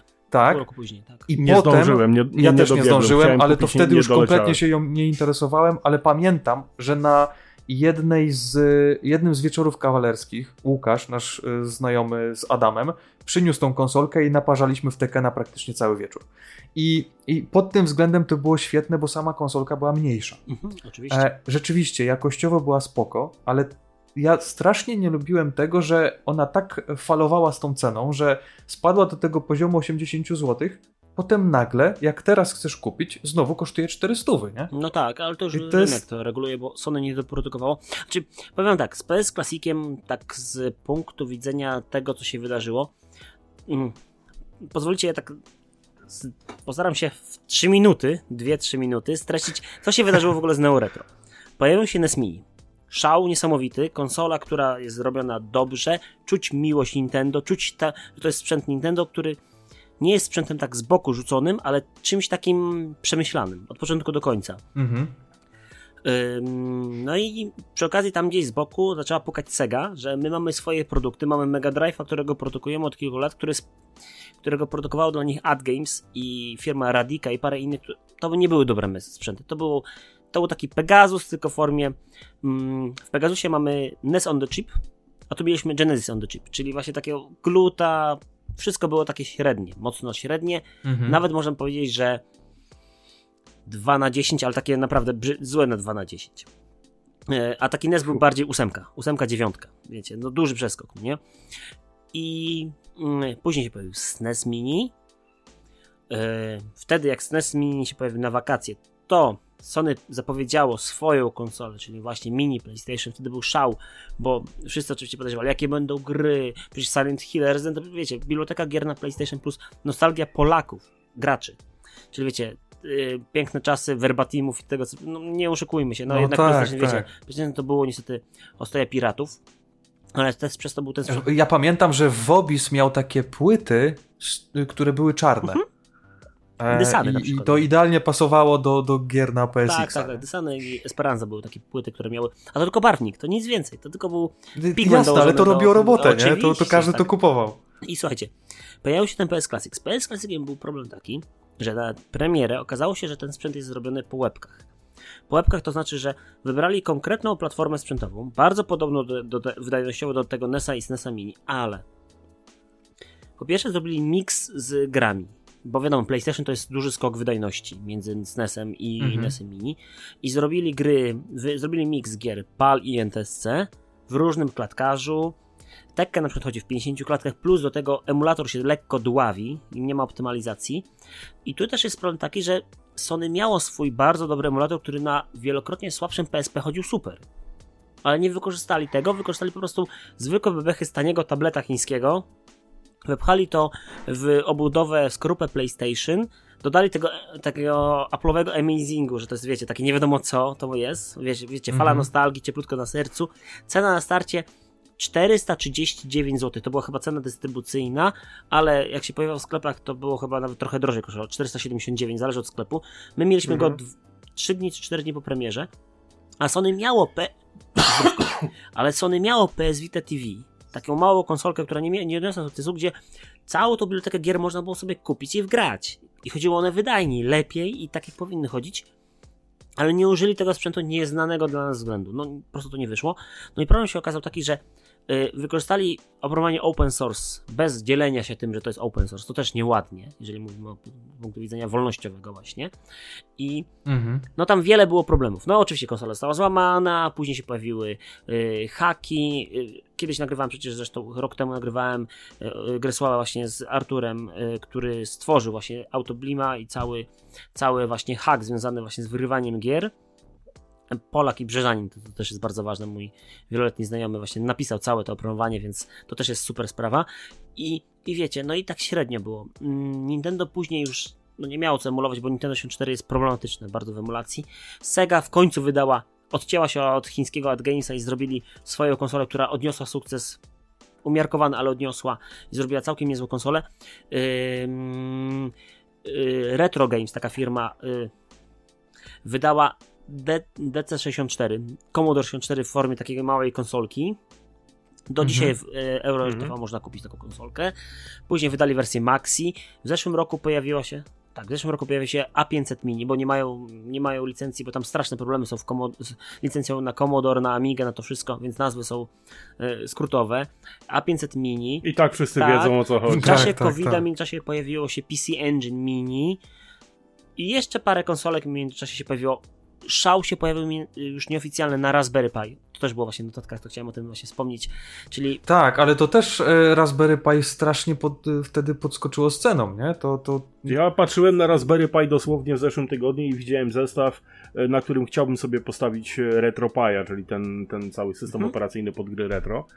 E, Ale jak zobaczyłem, że e, sam startowy zestaw bez jakichś obudów, bez niczego kosztuje 800 zł, no to jest gdzie problem. ja za 800 postawię retro PC, na którym to Oczywiście, będzie chodziło tak tak, prawie, no że, to- no nie, więc wiesz, no jest No. problem. Ale powiem wam właśnie, jak to było z Raspberry Pi. Raspberry Pi był takim, wiecie, jednopłytkowa, jednopłytkowy komputer, mówimy o jedynce jeszcze RetroPi'u, który miał Mhm. średnią wydajność, ale można było na nim wszystko zrobić. Miał pełną szynę GPIO, czyli to szynę wejścia-wyjścia, gdzie mogliśmy ją oprogramować. Wszystko było na licencjach open source, czyli mieliśmy wglądy do źródeł, wglądy do oprogramowania nisko, nisko, niskiego stopnia, czyli firmware, czyli wszystko to, co się dzieje poniżej systemu operacyjnego, czyli bardzo ważne rzeczy. E, oczywiście entuzjaści zaczęli tworzyć różne oprogramowania właśnie w tym RetroPie, czyli właśnie e, mm, system, który pozwala emulować różne sprzęty. E, Wiadomo, RetroPie, y, znaczy Raspberry Pi w międzyczasie dostało kilka iteracji, dwójkę, trójkę, czwórkę. Ym, Mhm. Pojawił się Mhm. COVID, kryzys, kryzys chiński, czyli problem z półprzewodnikami, stąd ceny skoczyły razy 5. Był, był taki moment, że Raspberry Pi 4 kosztowało 1000 zł, samo gołe płytka. Zaczyna się No właśnie, zaczyna tak, się tak, teraz tak. normować, ale y, to jest o tyle fajne te Raspberry Pi, że po pierwsze pokazało, że da się to zrobić stosunkowo niskim, y, niskim y, kosztem. Wadą jest to, że jeżeli chcemy być w pełni legalni, czyli patrzymy pod kątem takim licencjonowanym, no to musimy niestety te gry sobie po pierwsze kupić, później zgrać, przerzucać, to jest problem, a w, niektórych krajach w ogóle tego zgrać nie możemy, bo prawo na to nie pozwala, bo nie nadąża niestety nad mm, oprogramowania.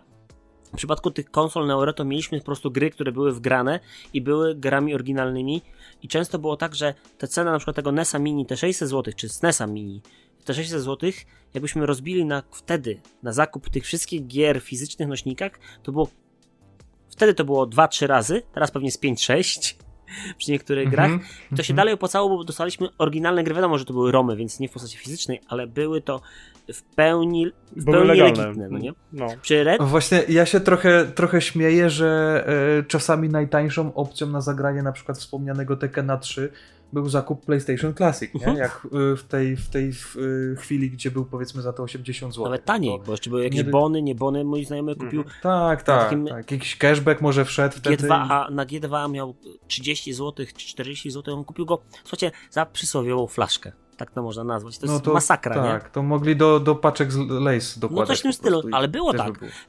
W Wielkiej Brytanii Mhm. Raspberry Pi Zero, nie wiem czy kojarzycie, to jest taka najmniejsza płytka była wtedy.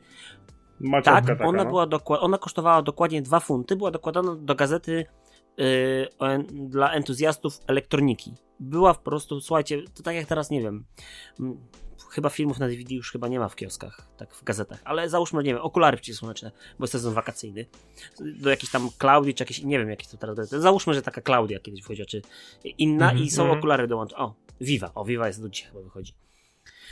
I mamy okulary, tak w, w Wielkiej Brytanii można było wejść do sklepu takiego kiosku ruchu naszego odpowiednika i kupić gazetę, gdzie był komputer. Wiecie, to jest rewolucja, no komputer, kiedyś to były wielkie szafy. Do, do gazety. No, No, kiedyś do komputera dokładali gazetę, a Tak. teraz masz komputer w gazecie. tak jest, i mieliśmy oczywiście słaby, ale pełnoprawny komputer. Mieliśmy pełne wejście, pełne wyjście, możliwość odpalenia pełnoprawnego systemu operacyjnego. Jak on działał, to już nieważne, ale był teoretycznie spełniło się, spełniły się sny osób, które mm, dążyły do tego, że każda osoba na świecie miała dostęp do komputera z dostępem do internetu. No bo co, no, Mhm. 2 funty, 10 złotych, Mhm. Yy, bez problemu fundacje mogły z, kupić na przykład w naj, najbiedniejszych krajach, nie wiem, gdzieś tam w Afryce, bez problemu można było takie komputery, pracownie całe zrobić. Wiadomo, że to jest może powiedzmy, że toporne, ale komputery z lat 90. mniej toporne nie były, no nie? A tu mieliśmy pełną, pełnoprawną przeglądarkę, jak uzależniliśmy cały system, więc takie rzeczy się zdarzały. I wracając do początku, yy, Raspberry Pi się cudownie rozwijało. Cała scena się do dzisiaj oczywiście rozwija. Nie tylko oczywiście Raspberry Pi, bo tych płytek też wychodziło jakieś Orange, Orange Pi, ym, Lime Pi i dużo, dużo innych płytek. Ale co jest super, mm, na przykład jeden z fajnych projektów jest taka firma Retroflag. Ona wyprodukowała, słuchajcie, y, obudowy do tych komputerków, które udawały konsolki. Czyli można było sobie kupić na przykład obudowę Mhm. NESP, gdzie się wkładało Raspberry Pi 3 i mieliśmy takiego NESa mini, ale za kwotę 1 trzecią ceny z oprogramowaniem Właśnie miałem się zapytać, czy za pomocą Raspberry Pi e, można sobie stworzyć konsolę taką, jaką chcesz? E, chodzi o wygląd, o to, co będzie emulować, co, będzie, e, co będziemy mogli do niej podpiąć. Blisko. I czy to jest na tyle opłacalne, że, e, że jesteśmy to w stanie zrobić, że tak powiem, do it yourself? Nie? Oczywiście. Znaczy teraz to już tak naprawdę, jeżeli byśmy chcieli zrobić takiego mm, NESa Mini, z NESa Mini, PlayStation Mini, to nawet nie trzeba mieć wiedzy technologicznej żadnej. Nawet nie trzeba być entuzjastą, trzeba być... Po prostu wsadasz, wsadzasz do obudowy do i już. obudowy, wpinasz kabelki według instrukcji, tak naprawdę nawet nie kabelki, Mhm. jak całe wtyczki, więc tam się nie da pomylić, bo tego nie, odwrotnie nie włożysz. E, Ściągasz obraz karty pamięci, musisz go na kartę pamięci wypalić, ale są już teraz skrypty, gdzie po prostu klikasz dwa razy, pyta się na który dysk to zapisać i już jest i masz całe środowisko. Jedynym problemem są oczywiście gry, no wiadomo, jak to tego typu urządzenia. No właśnie. Jeżeli chcemy mieć je legalnie, no to jest to duży problem. Prawo nie tylko nasze, czyli polskie, na, polskie też w ogóle, ale yy, ogólnie na świecie prawo nie nadąża nad y, rewolucją, y, tą, którą mamy, związaną z internetem, z dostępem do treści i do tego, jak te treści archiwizować. Bo czym się różnią te treści, znowu będzie filozofia, czym się różnią te treści związane, na przykład, nie wiem, filmy w internecie, kilkuletnie już filmy, czy y, dzieła inne kultury, od treści związanych z grami. To są też bity, bajty, które gdzieś można byłoby je zarchiwizować i dać ogólny Mhm. do tego dostęp. Czy w postaci takiej, że możemy podejść bardzo skrajnie, czyli otwarcie, jak za- Zatoka, za, Zatoka Sztuki, taka słynna strona była e, Pirate Bay, gdzie można było spokojnie pobrać wszystko z internetu, co było w internecie dostępne, gdzie po prostu twórcy wyszli z założenia, że internet jest dla wszystkich, jesteśmy w pełni otwarci na każde treści i możemy każde treści wszędzie udostępniać. Czasem ze stratą, czasem nie ze stratą, ale mogliśmy je udostępnić. I tak można też podejść trochę do oprogramowania, że chciałbyś dzi- Właśnie dzisiaj zagrać... Dobrze, że- y, dobrze właśnie, że zaczęliśmy rozmawiać o, o, o no powiedzmy to romach, tak? I, mhm. i e, ściąganiu tych romów, wygrywaniu tych romów. E, no bo to, że sobie stworzymy tą konsolę w, powiedzmy, że w legalny sposób, no bo kupimy coś, stworzymy y, coś, co kupiliśmy e, i tak dalej, no ale skąd wziąć oprogramowanie? No nie tak jak z emulatorami, że emulatory tak naprawdę są legalne, ale no emulatory bez romów to tak naprawdę no jak y, Sztuka dla sztuki. No, jak y, Sebastian bez BMW, nie? No oczywiście. Coś na tej zasadzie. Zgadzam się. Więc y, y, tutaj, y, no bo umówmy się, że pobieranie, używanie ROMów jest legalne. Zakładam, że jeżeli mamy kopię, tą, Oryginalną grę. oryginał, No tak? E, Tylko, że tak jak wspomniałeś, no nie ma jeszcze takich powiedzmy stuprocentowych regulacji i co przypadek tak naprawdę możemy go inaczej interpretować, e, biorąc pod uwagę i konkretną grę i konkretną konsolę. Nawet tak konkretną sytuację i jakbyśmy poszli Mhm. już bardziej w stronę już nawet legislacji, konkretną ym, interpretację sądu, bo jeżeli byśmy poszli już takim skrajnym, że to jest piractwo komputerowe, wiecie, tak jak sta, sta, kiedyś ym, mało kogo znając, to miał oryginalnego Windowsa, wiecie, oryginalny Office, oryginalny Windows w okolicach milenium to była rzadkość. Nawet, nawet Mhm. i nie tylko w domu u Kowalskiego, ale też w, O, to firmy Oczywiście, chodziły no, na lewych powiem ci, że przecież, nie? To, że Windows y, y, był y, mało legalny, to jedno, ale jeżeli ty się dowiedziałeś, że kumpel ma legalnego Office'a, no to szał, no. no to, to już w ogóle był szał taki, no, co twój ojciec robi, że ty masz legalnego Office'a, nie? No słuchajcie, teraz Office kosztuje Office 2021 w wersji ym, boxowej. Tam oczywiście jest kluczyk tylko, no nie, tam nie ma już tego. No tak, E, no, kosztuje kawałek kartonu. do. Czekajcie, jak to było? Do użytku domowego, licencja na jeden komputer. Nie mówimy o żadnych subskrypcjach. To, to, to teraz jest znakiem czasu, te wszystkie subskrypcje. 6,5 Mhm. dla użytku domowego, 1250 brutto kosztuje do użytku do firmy. I to jest wersja podstawowa. No, no. czuć, to nie jest mało. 1250 zł można przeznaczyć na takie cztery ofisy i już powiedzmy mamy Grecję, no nie? Na przykład. Jeżeli byśmy w tym, w tym Mhm. kierunku patrzyli. Albo nawet i PC, dosyć, nawet nie najgorszego. Więc mm, powiedzmy, to nie jest mało. Kiedyś gry też niektóre tanie nie były. E, Miałem taką ostatnią rozmowę o właśnie o grach na Nintendo 64. Wyobraźcie sobie, że gry na Nintendo 64 w- pod koniec lat 90. kosztowały w Polsce 300 parę złotych. Tyle co teraz kosztują te gry w tym nowym cenniku. Czyli Triple A. no nie? właśnie, czyli na przykład taki Diablo kosztuje 349 zł i tyle kosztowała na przykład Zelda Ocarina Czasu. I to było 20 Mhm. kilka lat temu, 23 lata temu. I teraz sobie wyobraźcie, że wtedy była średnia krajowa, załóżmy, że No, 1000 zł. Teraz mamy około 5000. Nie zapomnę nigdy, jak zobaczyłem Donkey Kong No, Country tak, tak. chyba za 3,5 No stówy. Wierzyć Ja nie znałem chciało. nikogo, kto No. miał Nintendo 64 y, ze znajomych, czy nawet y, znał znajomego, żeby je posiadał po prostu u siebie w swoim jakimś tam, nie wiem, wujka miał z Kanady, czy, y, czy rodzinę w Niemczech, to miałem znajomych, którzy mieli PlayStation tam w 97 roku, to już było coś, to już było nieźle, to było naprawdę nieźle, bo wszyscy mieli wtedy jeszcze, Mhm. jeszcze by mieli Amigi, Komodorki i ktoś tam dostał peceta, no to to już był w ogóle bonzo gonzo, nie? to już wiecie, to już było bogato, no nie? Y, I popatrzcie, i problem jest taki, że nie dość, że te gry kosztują trochę, nie, polskie prawo, czy w ogóle prawo nie nadąża na tym, że mamy gry, które są porzucone, czyli mamy, załóżmy, że napisałeś jakąś grę, wrzuciłeś ją do internetu, przez jakiś czas ona była płatna, nie wiem, na platformach darmowych, jak na przykład Steam, była płatna, ale później zmieniłeś jej cenę, na przykład, nie wiem, albo w ogóle ją wycofałeś ze Steama, i ktoś oczywiście pewnie ją spiracił, albo nie dałeś żadnych zabezpieczeń, więc ona sobie gdzieś tam fruwała w internecie, czy na przykład na Gogu, gdzie nie mamy zabezpieczeń antypirackich, po prostu bo GOG podchodzi pod tym kątem, to jest jedna z takich bardziej postępowych yy, yy, działalności, gdzie te gry możemy mieć i możemy je mieć fizycznie, czyli instalatory możemy sobie zgrać i możemy na przykład Cyberpunka, tak, Mhm. tak kiedyś jak była premiera, to ja ściągałem na swoim, jak Ryszard jeszcze miał internet, właśnie Rysław miał internet LTE, to ja u siebie pobrałem w czwartek wieczorem e, wersję instalatora, instalatora z Goga. Premiera była właśnie w, w czwartek o północy. Ja pobrałem Mhm. o pierwszej w nocy cały instalator, bo miałem, mam internet z UPC, więc spoko, szybko wszystko poszło, a on by ściągał go do czwartku przyszłego tygodnia, może. I mimo tego, że grę kupił, miał fizycznie grę w pudełku, no to musiałby i tak ją pobrać na aktualny build, bo ten na płycie był, nie, był już przestarzały, więc po prostu ja mu to ściągnąłem, dałem mu na dysku zewnętrznym i było to legitne, no bo kupił grę. Ale polskie prawo na przykład na tym, i załóżmy, że taki, nie wiem, id soft, nie id software, załóżmy, że taki CD Projekt na przykład by porzucił te gry, po prostu by je zignorował. No i, i co Mhm. teraz? No, gra No właśnie niczyja. do tego, do tego zmierzałem. Co z tym później? No właśnie, co zrobić w sytuacji, kiedy e, właściciel e, praw autorskich jako takich e, jest albo nieznany, albo w przypadku bardzo starych tytułów no, odszedł do krainy wiecznych świeżych pączków, albo, albo no, no, na, na, na łono Abrahama czy innych praojców. No i co wtedy? Czy ja mogę wykorzystać taką treść, choćby nawet dla samego faktu, że no, chcę pamiętać o tym, że to zostało wydane?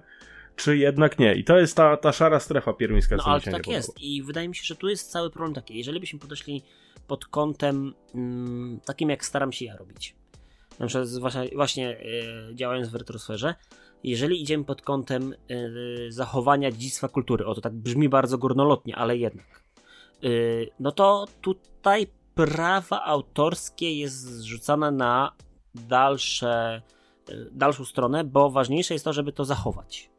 Czyli żeby zarchiwizować Mhm. i móc to kolejnym pokoleniom pokazać. Może brzmi to bardzo górnolotnie, ale chodzi o to, żeby po prostu gdzieś było archiwum. Tak g- cały, tak działa Archive.org przecież. Taka strona, gdzie po prostu są Mhm. całe gamesety. Yy, wpi- wystarczy wpisać Archive.org na przykład, nie wiem, Atari, ST, yy, Gameset, czy na przykład, nie wiem, tam teraz jest taka, jest jeden z takich, nie wiem, czy to ludzi, czy generalnie grup, Tosek się nazywa. I wystarczy takie, taką frazę wpisać i mamy po prostu gotowe wszystko, cała biblioteka do, na przykład do 2013 roku na wszystkiego, co wyszło na Atari 2600. Po prostu tam jest. I możemy sobie to pobrać. Witryna działa w, chyba w Stanach Zjednoczonych, z, te, z tego co mi wiadomo. I mimo tego, że oni mają dosyć ciężkie prawo, wiecie, tam potrafią być miliony dolarów, McDonald's potrafi przegrać o gorącą kawę, Mhm. nikt się ich Mhm. o to nie czepia. Boję się to, że jakby to Znaczy, słyszałem, że tam jakaś legislacja poszła w zeszłym roku albo w tym roku na początku, że mają tak napisać prawo, że y, Archive.org No to będzie przyniosą na Bahamy czy gdziekolwiek że to indziej, będzie nie? absolutnie Zmienią nielegalne. domenę, przyniosą do No. innego kraju, gdzie to będzie legalne. No bo, kurczę, no problem jest taki, że y, to też jest tak, że mm, moj, według mnie, że na przykład, nie wiem, weźmiemy sobie, ściągniemy teraz gry, na przykład paczkę gier na Amigę, która jest dostępna wszędzie w internecie. To nie jest w żaden sposób zabezpieczone. Wpiszemy sobie po prostu gry na Amigę, enter. I stron mamy I po prostu I są. są. Właśnie, prostu są. właśnie to jest to, że y, w zasadzie trzema kliknięciami jesteś w stanie pobrać całą bibliotekę Mhm. gier na Atari. Jesteś w stanie znaleźć każdy ROM, jaki jest tylko y, powiedzmy od Atari przez y, wszystkie konsole Nintendo, nawet PSX czy PS2. Po prostu wchodzisz na stronę, wpisujesz tytuł I jest. i jest, pobierasz. I to jest tak zajebiście łatwo zrobić, e, ale to jest nielegalne, No no nie? jest, jeżeli nie jest- masz tego tytułu e, gdzieś e, na półce w formie fizycznej, no bo tak, tak zazwyczaj Oczywiście. się e, tutaj to łączy. Więc e, No ale też zwróćmy uwagę, że czasem to, to, to co mówiłeś, że prawodawstwo nie nadąża za tym Mhm. wszystkim. E, W którym miejscu pojawia się zdrowy rozsądek? Bo tak jak na mój niekoniecznie wyedukowany rozum, jeżeli nie ma możliwości kupienia konkretnego tytułu w żadnej postaci, czy to fizycznej, od dystrybutora oczywiście, mówię o legalnym źródle, nie ma możliwości kupienia tego w wersji elektronicznej, bo elektroniczna wersja nie powstała. Jedyna droga zakupu oryginalnego egzemplarza to jest z drugiej ręki, a wiadomo, że rynek reguluje się sam i ceny są takie, jakie są. To wydaje mi się, że wtedy to jest wolna amerykanka i że wtedy już wolno. no taki już idealny przykład to jest PSP nie? chyba, no nie?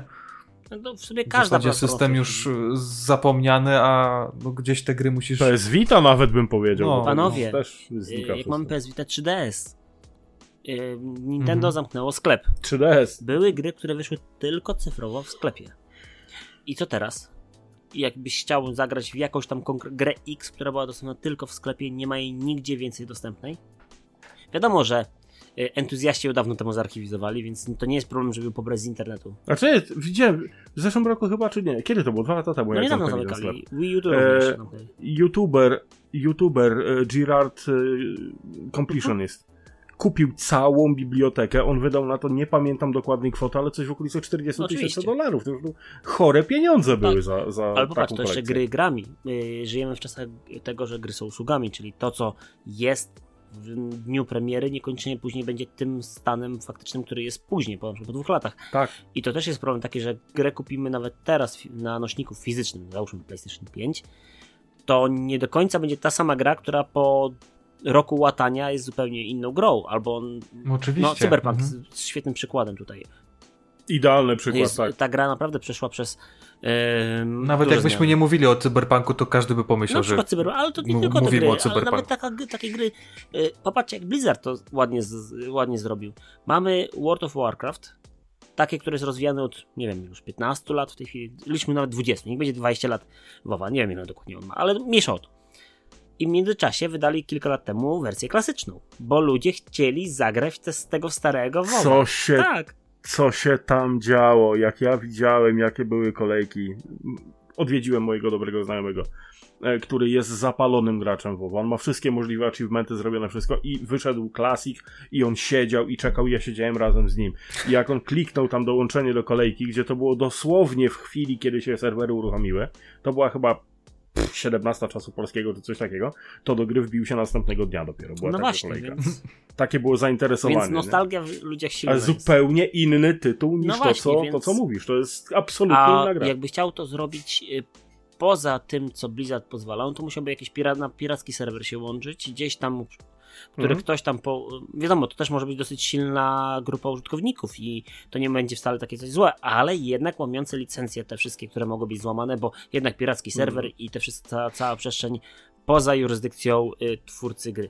No, kurczę, to nie jest takie łatwe i problem jest taki, że wydaje mi się, że nawet jakby o tym rozmawiać z jakimś z, ym, osobą, która się zajmuje prawem, nawet bliżej prawem autorskim, to niestety z której strony byśmy na to popatrzyli, ym, moralne prawo tutaj mamy my jako użytkownicy, czy osoby, które chcą to jakieś zachować, ale niestety prawo jest po stronie hmm, wydawców i twórców gier i tutaj niestety jest Właścicieli tak, licencji, może oni nie? też chcą, Mhm. żeby to po prostu znikło gdzieś tam w otchłaniach e, historii i koniec kropka. Znaczy, myślę, że takie właśnie nieuregulowane rzeczy przypadku retro gier to trochę tak napędzają e, też e, ten rynek. I może Oczywiście, też jak najbardziej.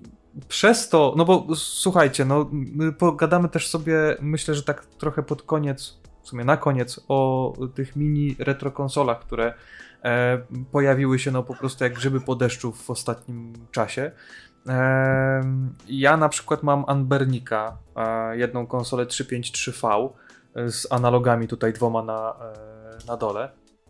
E, ale tych konsoli jest masa i w ostatnich powiedzmy dwóch, trzech latach pojawiło się multum tych, tych konsol. I ja y, rozumiem to, że y, te konsole stają się coraz lepsze, bo ja pamiętam jak ze 4, może 3-4 lata temu zamówiłem z AliExpress jakąś taką retro konsolkę, e, oczywiście 168 w jednym, e, na baterii e, od Nokii, to ja za nią zapłaciłem może, nie wiem, z 12 dolarów e, i, ona no, była gorzej wykonana niż e, najgorszy jakiś chiński krab sprzedawany gdzieś tam na AliExpress, nie? E, a On teraz... dwa lata po premierze pachnią Chińczykiem. Dokładnie, no. A teraz biorę do ręki takiego Anbernika i to jest lepiej wykonane niż niektóre konsole czy niektóre telefony nawet. E, wszystko działa, ekran jest świetny, przyciski działają tak jak powinny, nie śmierdzi przede wszystkim to. Fakt, że trzeba było wydać trochę więcej pieniędzy, ale problem tych konsol jest taki, że zamawiasz sobie od Chińczyka taką konsolę i ona jest po brzegi, po brzegi, e, e, załadowana, no nazwijmy to po imieniu, nielegalnymi grami, tak? No oczywiście, no, że tak. Włączasz, włączasz tą konsolę i masz po prostu y, wszystkie platformy świata e, i kilkaset gier po prostu na karcie pamięci I, i co ty wtedy masz z tym zrobić? Jak wygląda teraz sytuacja twoja, gdzie ty kupiłeś tak naprawdę e, konsolę z nielegalnymi grami i e, bierzesz tak jakby no udział, współudział w tym całym nielegalnym procederze. Jesteś nieświadomym. Bo nie sądzę, że. Pa jeżeli... Paserstwo tak, chyba tak, nazywało. Tak, Jesteś jeżeli, paserem nieświadomym. Jeżeli ktoś kupuje coś, coś tak. co jest potencjalnie skradzione. Kupujesz tą konsolę i jestem święcie przekonany, że nie ma ani jednej, powtarzam, ani jednej osoby, która miałaby wszystkie te gry, które zakupiła na tej konsoli. A, i tu ci powiem jedną rzecz ja kupiłem sobie. Yy, dobra. Ale ja ci powiem dlaczego. To jest. Myślałem, że znalazłem tą osobę, nie do tego I tak, palec podnosić. I, I tak i nie, bo ja kupiłem jedną wersję bez karty pamięci. Aha. Więc nie było no gier żadnych. I sobie no. wgrałem Final Fantasy VI, które mam w trzech wersjach i tylko z tego powodu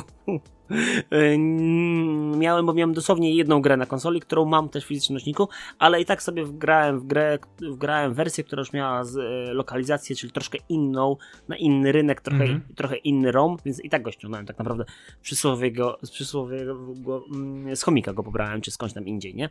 Więc i tak wpisałem sobie Final Fantasy VI, ROM, po, wersja polska, pstryk się pojawił, no nie? Mimo no tego, tak, że no bo podejrzewam, że jakbyś miał kupić sobie y, całą, y, całe urządzenie i oprogramowanie do tego, żeby zgrać sobie to jakoś, no to też y, swoje by raz, że kosztowało, a dwa czasu też by zajęło. No a mimo wszystko siła internetu jest taka, że wchodzisz, klik i masz. I masz. No tak, to jest to, że no. mamy już natychmiast. Um, jeżeli chodzi o te konsolki mini, te, które aktualnie są na rynku, a ich jest masa, bo to tych producentów też jest. Jest Unbernik, PowerKid i Mio. Mio właśnie jest. Y, mamy Odroida. O właśnie, a propos Raspberry Pi też jest taka firma Odroid. Oni, oni zrobili na przykład konsolkę, którą samemu można było sobie złożyć. To jest w ogóle coś. Mam tak, Odroid Go Advance się nazywa. To jest konsolka, która przychodzi w częściach. Pewnie nazwa zupełnie przypadkowa. Tak. I, I, to była pierwsza jak masz tego Ambernika twojego z analogami, to był jej protoplasta. To po prostu ktoś, y, Chińczyki z, zaprojektowały konsolę, ale żeby to zrobić tak fajnie, to yy, zrobiły konsolę właśnie do złożenia. Przyszły normalnie ma mieć przyciski. Yy, odlew przychodził, wyłamało, trzeba było wyłamać mhm. jak w fabryce elementy z formy i wszystko po, po kolei włożyć, przykręcić płytkę, przy, włożyć, była instrukcja jak włożyć wyświetlacz, żeby nie uszkodzić wyświetlacza, jak byś uszkodził wyświetlacz, był link, gdzie kupić nowy wyświetlacz, baterię trzeba, była taśma dwustronna, aby podkleić, no słuchaj, wszystko zrób to sam. Właśnie, prawdziwa tak, konsola Ale wyobraź sam, no. sobie, no. że po tym wszystkim yy, nie minął chyba dwa miesiące i inna chińska firma sklonowała tą konsolę, tylko już wychodziła w wersji po prostu złożona w jednym kawałku. Można było ją kupić. Soft pasował, można było dosłownie przyłożyć jedno do jednego kartę pamięci, po prostu wszystko działało, bo to bo to był po prostu klon tej konsoli, a później... Czyli y, zobacz, że teraz y, historia zatoczyła Tak, koło, oczywiście. tak? Niegdyś y, po prostu klony Pegasusa wychodziły, a teraz klony Tak. mikro, mini konsole. Tak, tak. A później był ten wyle właśnie Anberników. Trochę COVID w tym wszystkim pomógł, tak mi się wydaje, że jednak wiecie, Tak, tak, mm, tak. siedzieliśmy w domu, coś trzeba było robić, nie każdy chciał siedzieć, grać, patrzcie na przykład, wiecie jak to jest na komputerze, niby gramy na komputerze w gry, ale też obserwujemy co się dzieje w internecie. Tam Mhm. za ciekawych rzeczy za, bar- za bardzo nie było, ciągle było o tym samym, więc ktoś odnalazł y, coś fajnego właśnie w tym, ten, w tym właśnie świecie No, Ciekawa Tak, nisza. tak. No, i to Azjaci wykorzystali i te konsole naprawdę bardzo fajnie się sprzedały, a przy okazji to jest bardzo ważne, ta jakość, o której wspomniałeś, ona naprawdę się zmieniła. To już nie jest podła chińska technologia, gdzie plastik po prostu mm, był prawie że rakotwórczy. Tutaj mamy bardzo dobre jakości ekrany. Całkiem zadowalające. A, a, z, bez ścian Tak. pod, y, plastiku. Tak, to- tak, tak. Nie, jest jeszcze. y, Tak, ale jest jeszcze jedna nazwa polska. Gównolit to się nazywa. A no tak, no to tak. Y, tak. Drukarki pewnej firmy na dwie litery, takie, to takie tanie za 160 zł. One są z tego samego plastiku zrobione. Ja się zawsze śmiałem, że były zrobione ze stopu No, no, tak, właśnie tego typu temat, nie? Ale, ale zobacz, że z drugiej strony wspomnieliśmy rzeczywiście o tej y, dużo lepszej jakości, ale jest jeszcze taka topowa jakość, bo nie wiem, na pewno kojarzysz e, tą mi, y, mini konsolę e, Analog Pocket Oczywiście, go kojarzę. Chciałem ją kupić, ale I kupiłem to jest taki trochę, trochę Apple wśród tych mini konsolek, nie? Że tam jest Tak, tylko że- jakaś turbo jakość, Tu- jakaś korbka taka dołączana do tej konsoli Mm. i mało tego, tam chyba nawet można było kadridże od Nintendo Z firmą wstawiać. Analog jest o tyle fajnie, że ta firma wychodzi. mm, A, bo rozmawialiśmy w ogóle o konsolach Neo Retro. Wszystkie te konsole bazują Mhm. na emulacji e, programowej. To znaczy, że mamy jakiś tam procesorek, emulator, który jest ładnie zakryty tą nakładką producenta i jest wszystko emulowane w sposób programowy. A firma Analog podeszła, podchodzi do tego troszkę inaczej. Jest w strefie, e, jak się za, mm, w retro gaming wejdziemy trochę głębiej, to jest coś takiego jak FPGA, to są programowalne bramki, czyli w dużym skrócie układy, które udają logikę oryginalnych podzespołów. I to jest Mhm. cała e, e, branża w branży. To znaczy, jakbyśmy weszli w retro gaming, to jest cała cała część, gdzie y, powstają, cała nisza czy odłam, gdzie powstają po prostu albo repliki całych komputerów, albo repliki konkretnych rozwiązań, albo dzięki tym układom FPGA możemy zaproponować jakąś logikę, która coś zrobi. Kiedyś potrzebowaliśmy do tego Mhm. na przykład 40 układów, teraz możemy mieć jeden układ scalony, który zaprogramujemy, żeby jego logika odtworzyła działanie tych układów. I na tym właśnie polega mniej więcej w dużym skrócie FPGA. I firma Analog, oni wydali kiedyś właśnie klona NESa, ale takiego powiedzmy, że klona bliskiego sprzętu, bo FPGA jest o tyle bardzo ważne, że ono posiada właśnie te programowalne bramki, które możemy, powiedzmy, że zaprogramować, które będą udawać procesor graficzny, procesor NESa z, mm, i to jest bardzo ważne, z bardzo bliskim podej- mm, bardzo blisko tego, co jest w oryginale. To znaczy, że jesteśmy w stanie odtworzyć nawet konkretne zachowania procesora, jak ma się zachowywać, czyli te błędy, na przykład bo procesory, wiecie, to, to są jednak układy, które też posiadały jakieś swoim, to ludzie tylko zaprojektowali, więc jakieś błędy konkretne, Mhm. dziury, czy jakieś zachowania, bo na przykład za, podaliśmy konkretną paczkę danych i zamiast dostać e, na przykład 2 plus 2 powinno być 4, a tu dostaliśmy 4,5, no nie? To był jakiś tam konkretny błąd. No i to też da się odtworzyć. I to jest o tyle ważne, że mogliśmy na przykład w klonie konsoli, czego emulacja nam na to programowa nie pozwoliła, a sprzętowa jak najbardziej, yy, nie wypluć równych 60 klatek, a na przykład 59,5 klatki. To jest na przykład ważne, jeżeli mamy Hmm. na przykład turniejowych graczy w jakiejś konkretnej bijatyce, gdzie wiecie, konkretne milisekundy się liczyły, gdzie kto wcisnął w którym miejscu przycisk, czy speedrunnerzy na przykład. I robili to na oryginalnym sprzęcie, O, spe- speedrunnerzy Oczywiście. to strasznie, strasznie najbardziej. pilnują tego. Znaczy ja podejrzewam, że przez, e, przez tą techniczną część, taką otoczkę tych e, właśnie tej konsoli, to przez to ona tyle też kosztuje, Mhm. tak?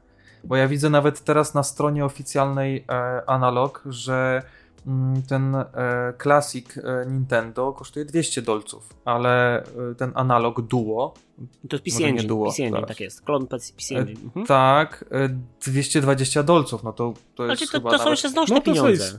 To są jeszcze znośne. znośne, ale ale, nadal to jest uwagę górna na to, półka, że- no nie?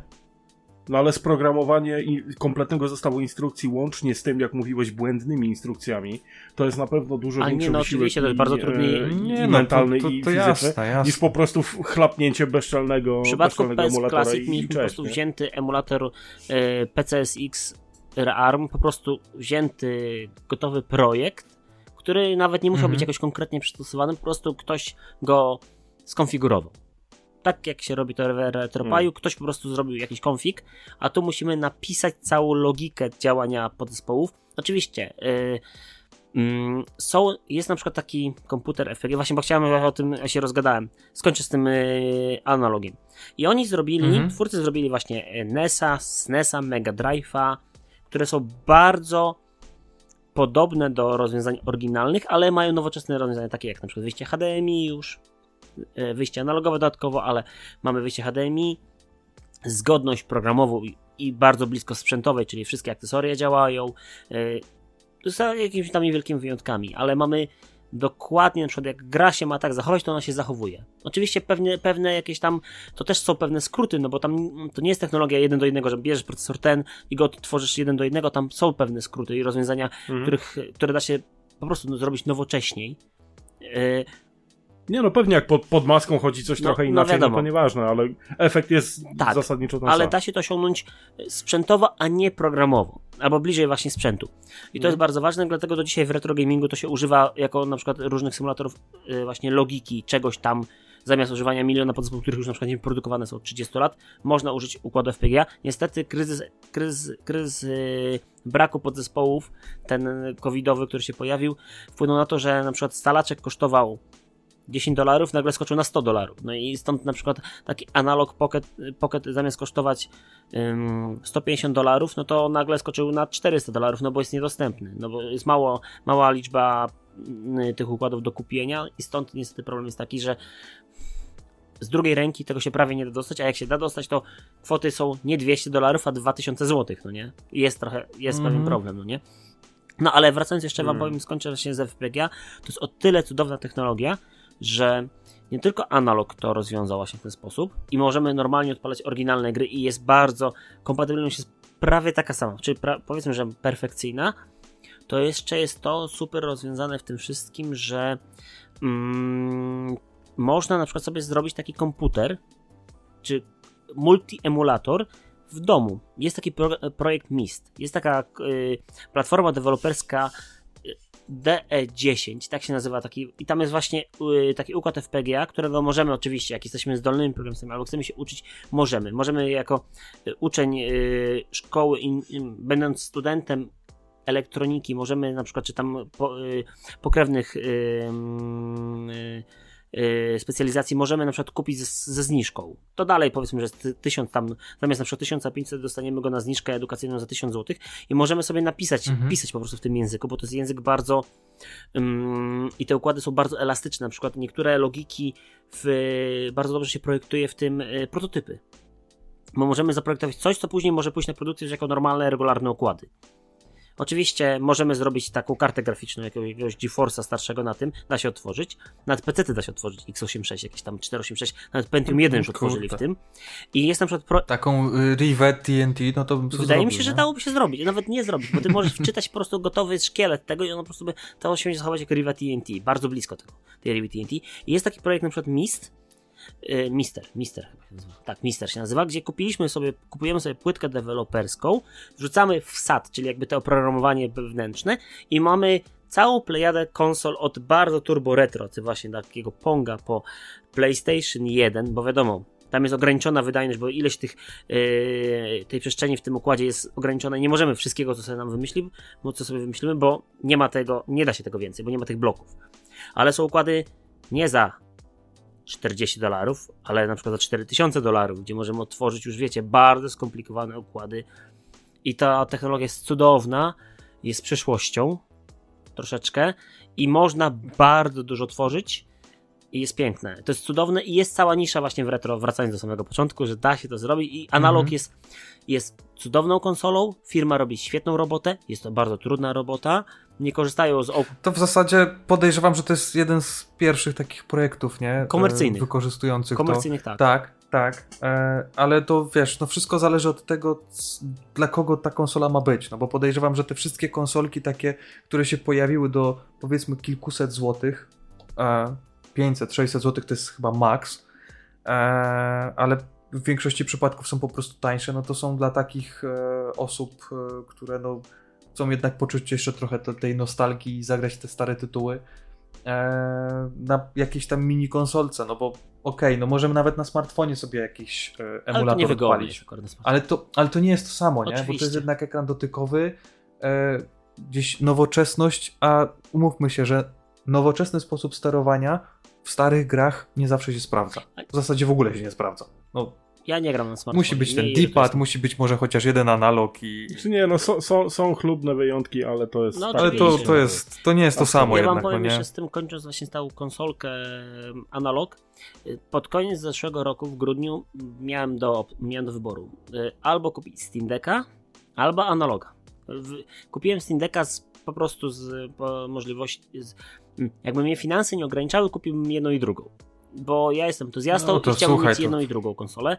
Jakby nas tak nie ograniczało, to... wszystkich wojen Wiadomo, no, konsolowych. tylko finanse, Dokładnie, nie? No, po prostu tutaj, tutaj ty, tylko finanse nas ograniczają, przestrzeń nawet nie, bo jak mamy finanse, to i przestrzeń się znajdzie wtedy, no nie? Właśnie to jest taki paradoks, Tak. nie? Że y, żeby mieć wszystko ograniczone nas finanse, ale żeby potem grać, to wszystko to ograniczy nas pracę. Oczywiście, ale wiesz co, to na, jeszcze gorzej, bo nie wiem, czy zauważy, zauważyliście to. Wydaje mi się, że to jest taka uniwersalna prawda, że niestety mm, jak mamy za dużo treści do konsumpcji, to w pewnym momencie już nie wiemy, co konsumować i nawet jak mamy turbo dużo tego wszystkiego, mm, VOD jest najlepszym przykładem, Netflix chociażby, czy jakiekolwiek inne. Paradoks tak, ale to nawet jest tak. taki paradoks pirata, bo kiedyś było tak, że mieliśmy na przykład właśnie tego szpindla z grami, na PlayStation mieliśmy wielki szpindel, tam 100 gier było i zanim się wybrało konkretnie, nie, nie ma w co grać, grać. bo za dużo tej treści jest, Mhm. nie? I tak samo mamy teraz, mamy super wielkie bazy Steamowe. Znaczy, ja mam, ja mam bibliotekę na Steamie na, wiesz, No, czterocyfrową no właśnie. i, No, nie mam no i to jest właśnie cały problem, że ym, nie dość, że gry walczą o nasz, nasz czas, to jeszcze oczywiście inne media, plus jeszcze mamy normalne życie w tym wszystkim, no nie? Przydałoby się mieć jakieś normalne życie. I e, nadmiar tych treści niestety, ja jeszcze, słuchajcie, jeszcze to, co nas rozkojarzy dookoła, bo wiecie, jest sobie magiczne e, telefonisko, które po prostu, wiecie, wy tutaj chcecie sobie pogadać, a tutaj ktoś dzwoni, tu się ktoś kimś umawia, tu praca, tu coś tam, tu rodzina się odzywa i jesteśmy rozkojarzani, no i nie ma czasu na, żeby konsumować te treści, czy się oddać im tak bardzo, tak. byśmy chcieli. No, to jest A problem. najgorsze jest to, że jak na przykład przeglądasz sobie coś na telefonie i patrzysz, że gra miała e, wczoraj premierę, a ktoś już ma 100 godzin w nią zagrane i tak mówisz, cholera, skąd ma na to czas, No, nie? są takie Znaczy oczywiście y, no, mocno, mocno tutaj e, no, to maksymalizuje, ale to czasami tak jest, że tak kurczę, no jest godzina siódma rana, on jest tak po treningu, y, 10 godzin grał już w jakąś grę i dopiero tak naprawdę no, zaczyna dzień. No są takie sytuacje. to jest no, takie, no. no, To już kwestia może priorytetów i jakichś takich wyborów. trzeba mocno wybierać, a Hmm. ten rok, który mamy teraz, to naprawdę to mocno, mocno Oj, trudny, tutaj... oj, ja się, ja się boję, że teraz będzie. utrudnia, Przyjdzie no. wrzesień, już po festiwalu jeszcze mamy kilka wyjazdów i później, kurczę, gry, gry, gry, gry, gry. Ach, kurczę, blade. Przerąbane, przerąbane, a jeszcze będzie jeszcze w międzyczasie jakiś trochę retrogratów, trzeba będzie fajnych sobie kupić. I teraz przyjedzie do nas, zamówiliśmy w zeszłym tygodniu, zeszły piątek, Philipsa CDI, nie wiem czy kojarzycie. Philips CDI to jest taki Mhm. wyrób, to wygląda jak odtwarzacz CD z lat 90., czyli taki Najlepsza Zelda na to wyszła. rzeźnicka Zelda. Rzeźnicka Zelda. Ojej, I jedzie. Najlepsza. A ta Zelda straszne pieniądze teraz kosztuje. Excuse me, Tak. princess. Ona chyba na, na naszym Allegro kosztuje chyba z 800 ta Zelda w tej chwili. No, srogo, nie? Srogo. A sam komputer jest, czy konsola, ciężko nazwać to, czy to komputer, czy konsola, od urządzenie multimedialne jest mega toporne i jest takie takie zwykłe, no bo wiecie, to jest taki odtwarzacz CD, który ma możliwość ale podłączenia pada. czego ty wymagasz od konsoli, która ma w nazwie Philips? Znaczy jest, wyszła CD, bo ja, No. to mi jedzie wersja 210, to taki właśnie odtwarzacz, a wyszła też wersja chyba 220, która bardziej przypomina normalną konsolę. No zobaczymy, zobaczymy, zobaczymy. Przyjdzie chyba jutro, mam nadzieję, bo... Dobra, panowie, no nie wiem jak wy, ale ja już się przykleiłem. Piwo mi się skończyło. Mi również. E, mamy prawie 2,5 godziny. Oj, to bardzo E, przepraszam. Ja wiecie, jak straszny gaduła jestem. Nie, ale Nie, to nie, nie, nie. masz za co. Ja myślę, Bardzo że dziękujemy. myślę, że to jest pierwsza część tego odcinka, nie? Tak można po- powiedzieć. E, pogadaliśmy sobie e, całkiem długo, e, ale no kiedyś musimy chyba powiedzieć koniec, bo moglibyśmy tak całą noc przesiedzieć, a jutro ja niestety do roboty muszę iść. Pewnie wy też. No. E, co ja mogę. No, myślę, że jednogłośnie możemy powiedzieć, że kończymy. Co wy na to? Oczywiście, jak najbardziej. Tak, tak. Jak najbardziej. To No tutaj możemy zacząć od tego, że serdecznie Ci dziękujemy. Dokładnie. Ja dziękuję za zaproszenie. Taką pigułę wiedzy.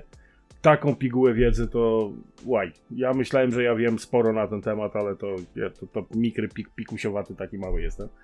E, Andrzeju, bardzo Ci dziękujemy za to, że wziąłeś udział w naszym podcaście i e, nie wiem, czy będzie to dla Ciebie tajemnica, czy nie, ale to był e, równo setny odcinek Super. naszego podcastu. tak. Także ty, tym bardziej dwa razy dziękujemy, że, że pomogłeś nam świętować ten, ten dosyć, dosyć jubileuszowy moment. I tak jak Krzysiek powiedział, mam nadzieję, że nie jest to ostatni raz, jak się widzimy na łamach e, Oczywiście. naszego. Jak, jak tylko będzie możliwość, na pewno zgadamy się na ciąg dalszy i e, miejmy nadzieję, że mm, uda się wtedy e, już po e, zakończonej piątej edycji e, troszkę więcej e, e, informacji na ten temat od Ciebie uzyskać. E, oczywiście też kajamy się i przepraszamy, że nie możemy być na retrosferze Żyćko, no, mm, piątej edycji, ale, ale szósta kto wie, może, może na szóstej Albo gdzieś się może w Polsce spotykamy, bo jeszcze trochę tam się różne życie. I w Poznaniu Nie, PGA, no, bardzo pewnie, pewnie, no. Pyrkon, Pixel, później w Warszawie, więc wiecie. Będzie szansa, Pixel Heaven będzie w przyszłym roku, no, No. to wiadomo. więc spoko. No, Oczywiście. zgadamy się na pewno. Dobra, no ja, Także ja jeszcze... Za, zarówno no, z- jeszcze no, na zakończenie, Aha. zarówno tobie, jak i naszym, naszym widzom i słuchaczom bardzo serdecznie dziękujemy. Tyle ode mnie, Krzysiu. Ty, ja tylko dołączę się, nie? Dziękuję Andrzej. E, było bardzo miło, naprawdę. E, strzeliło, mimo tego, że tr- trwa to 2,5 godziny, to naprawdę strzeliło e, jak z bicza. E, ja na koniec tylko powiem, że no, znajdziecie nam, nas tam, gdzie znajdziecie, czyli tam, gdzie dobre podcasty. E, I oczywiście ja w swoim imieniu i w imieniu wszystkich zapraszam na Retrosferę, bo to jest e, myślę, że wydarzenie, które e, jedyne w swoim rodzaju. I Andrzej też będzie zadowolony, jak więcej osób przyjdzie. Oczywiście, jak najbardziej. No. Dobra, no to y, dziękuję bardzo i do następnego. Do Pa, pa. następnego. Cześć. Cześć. Hej.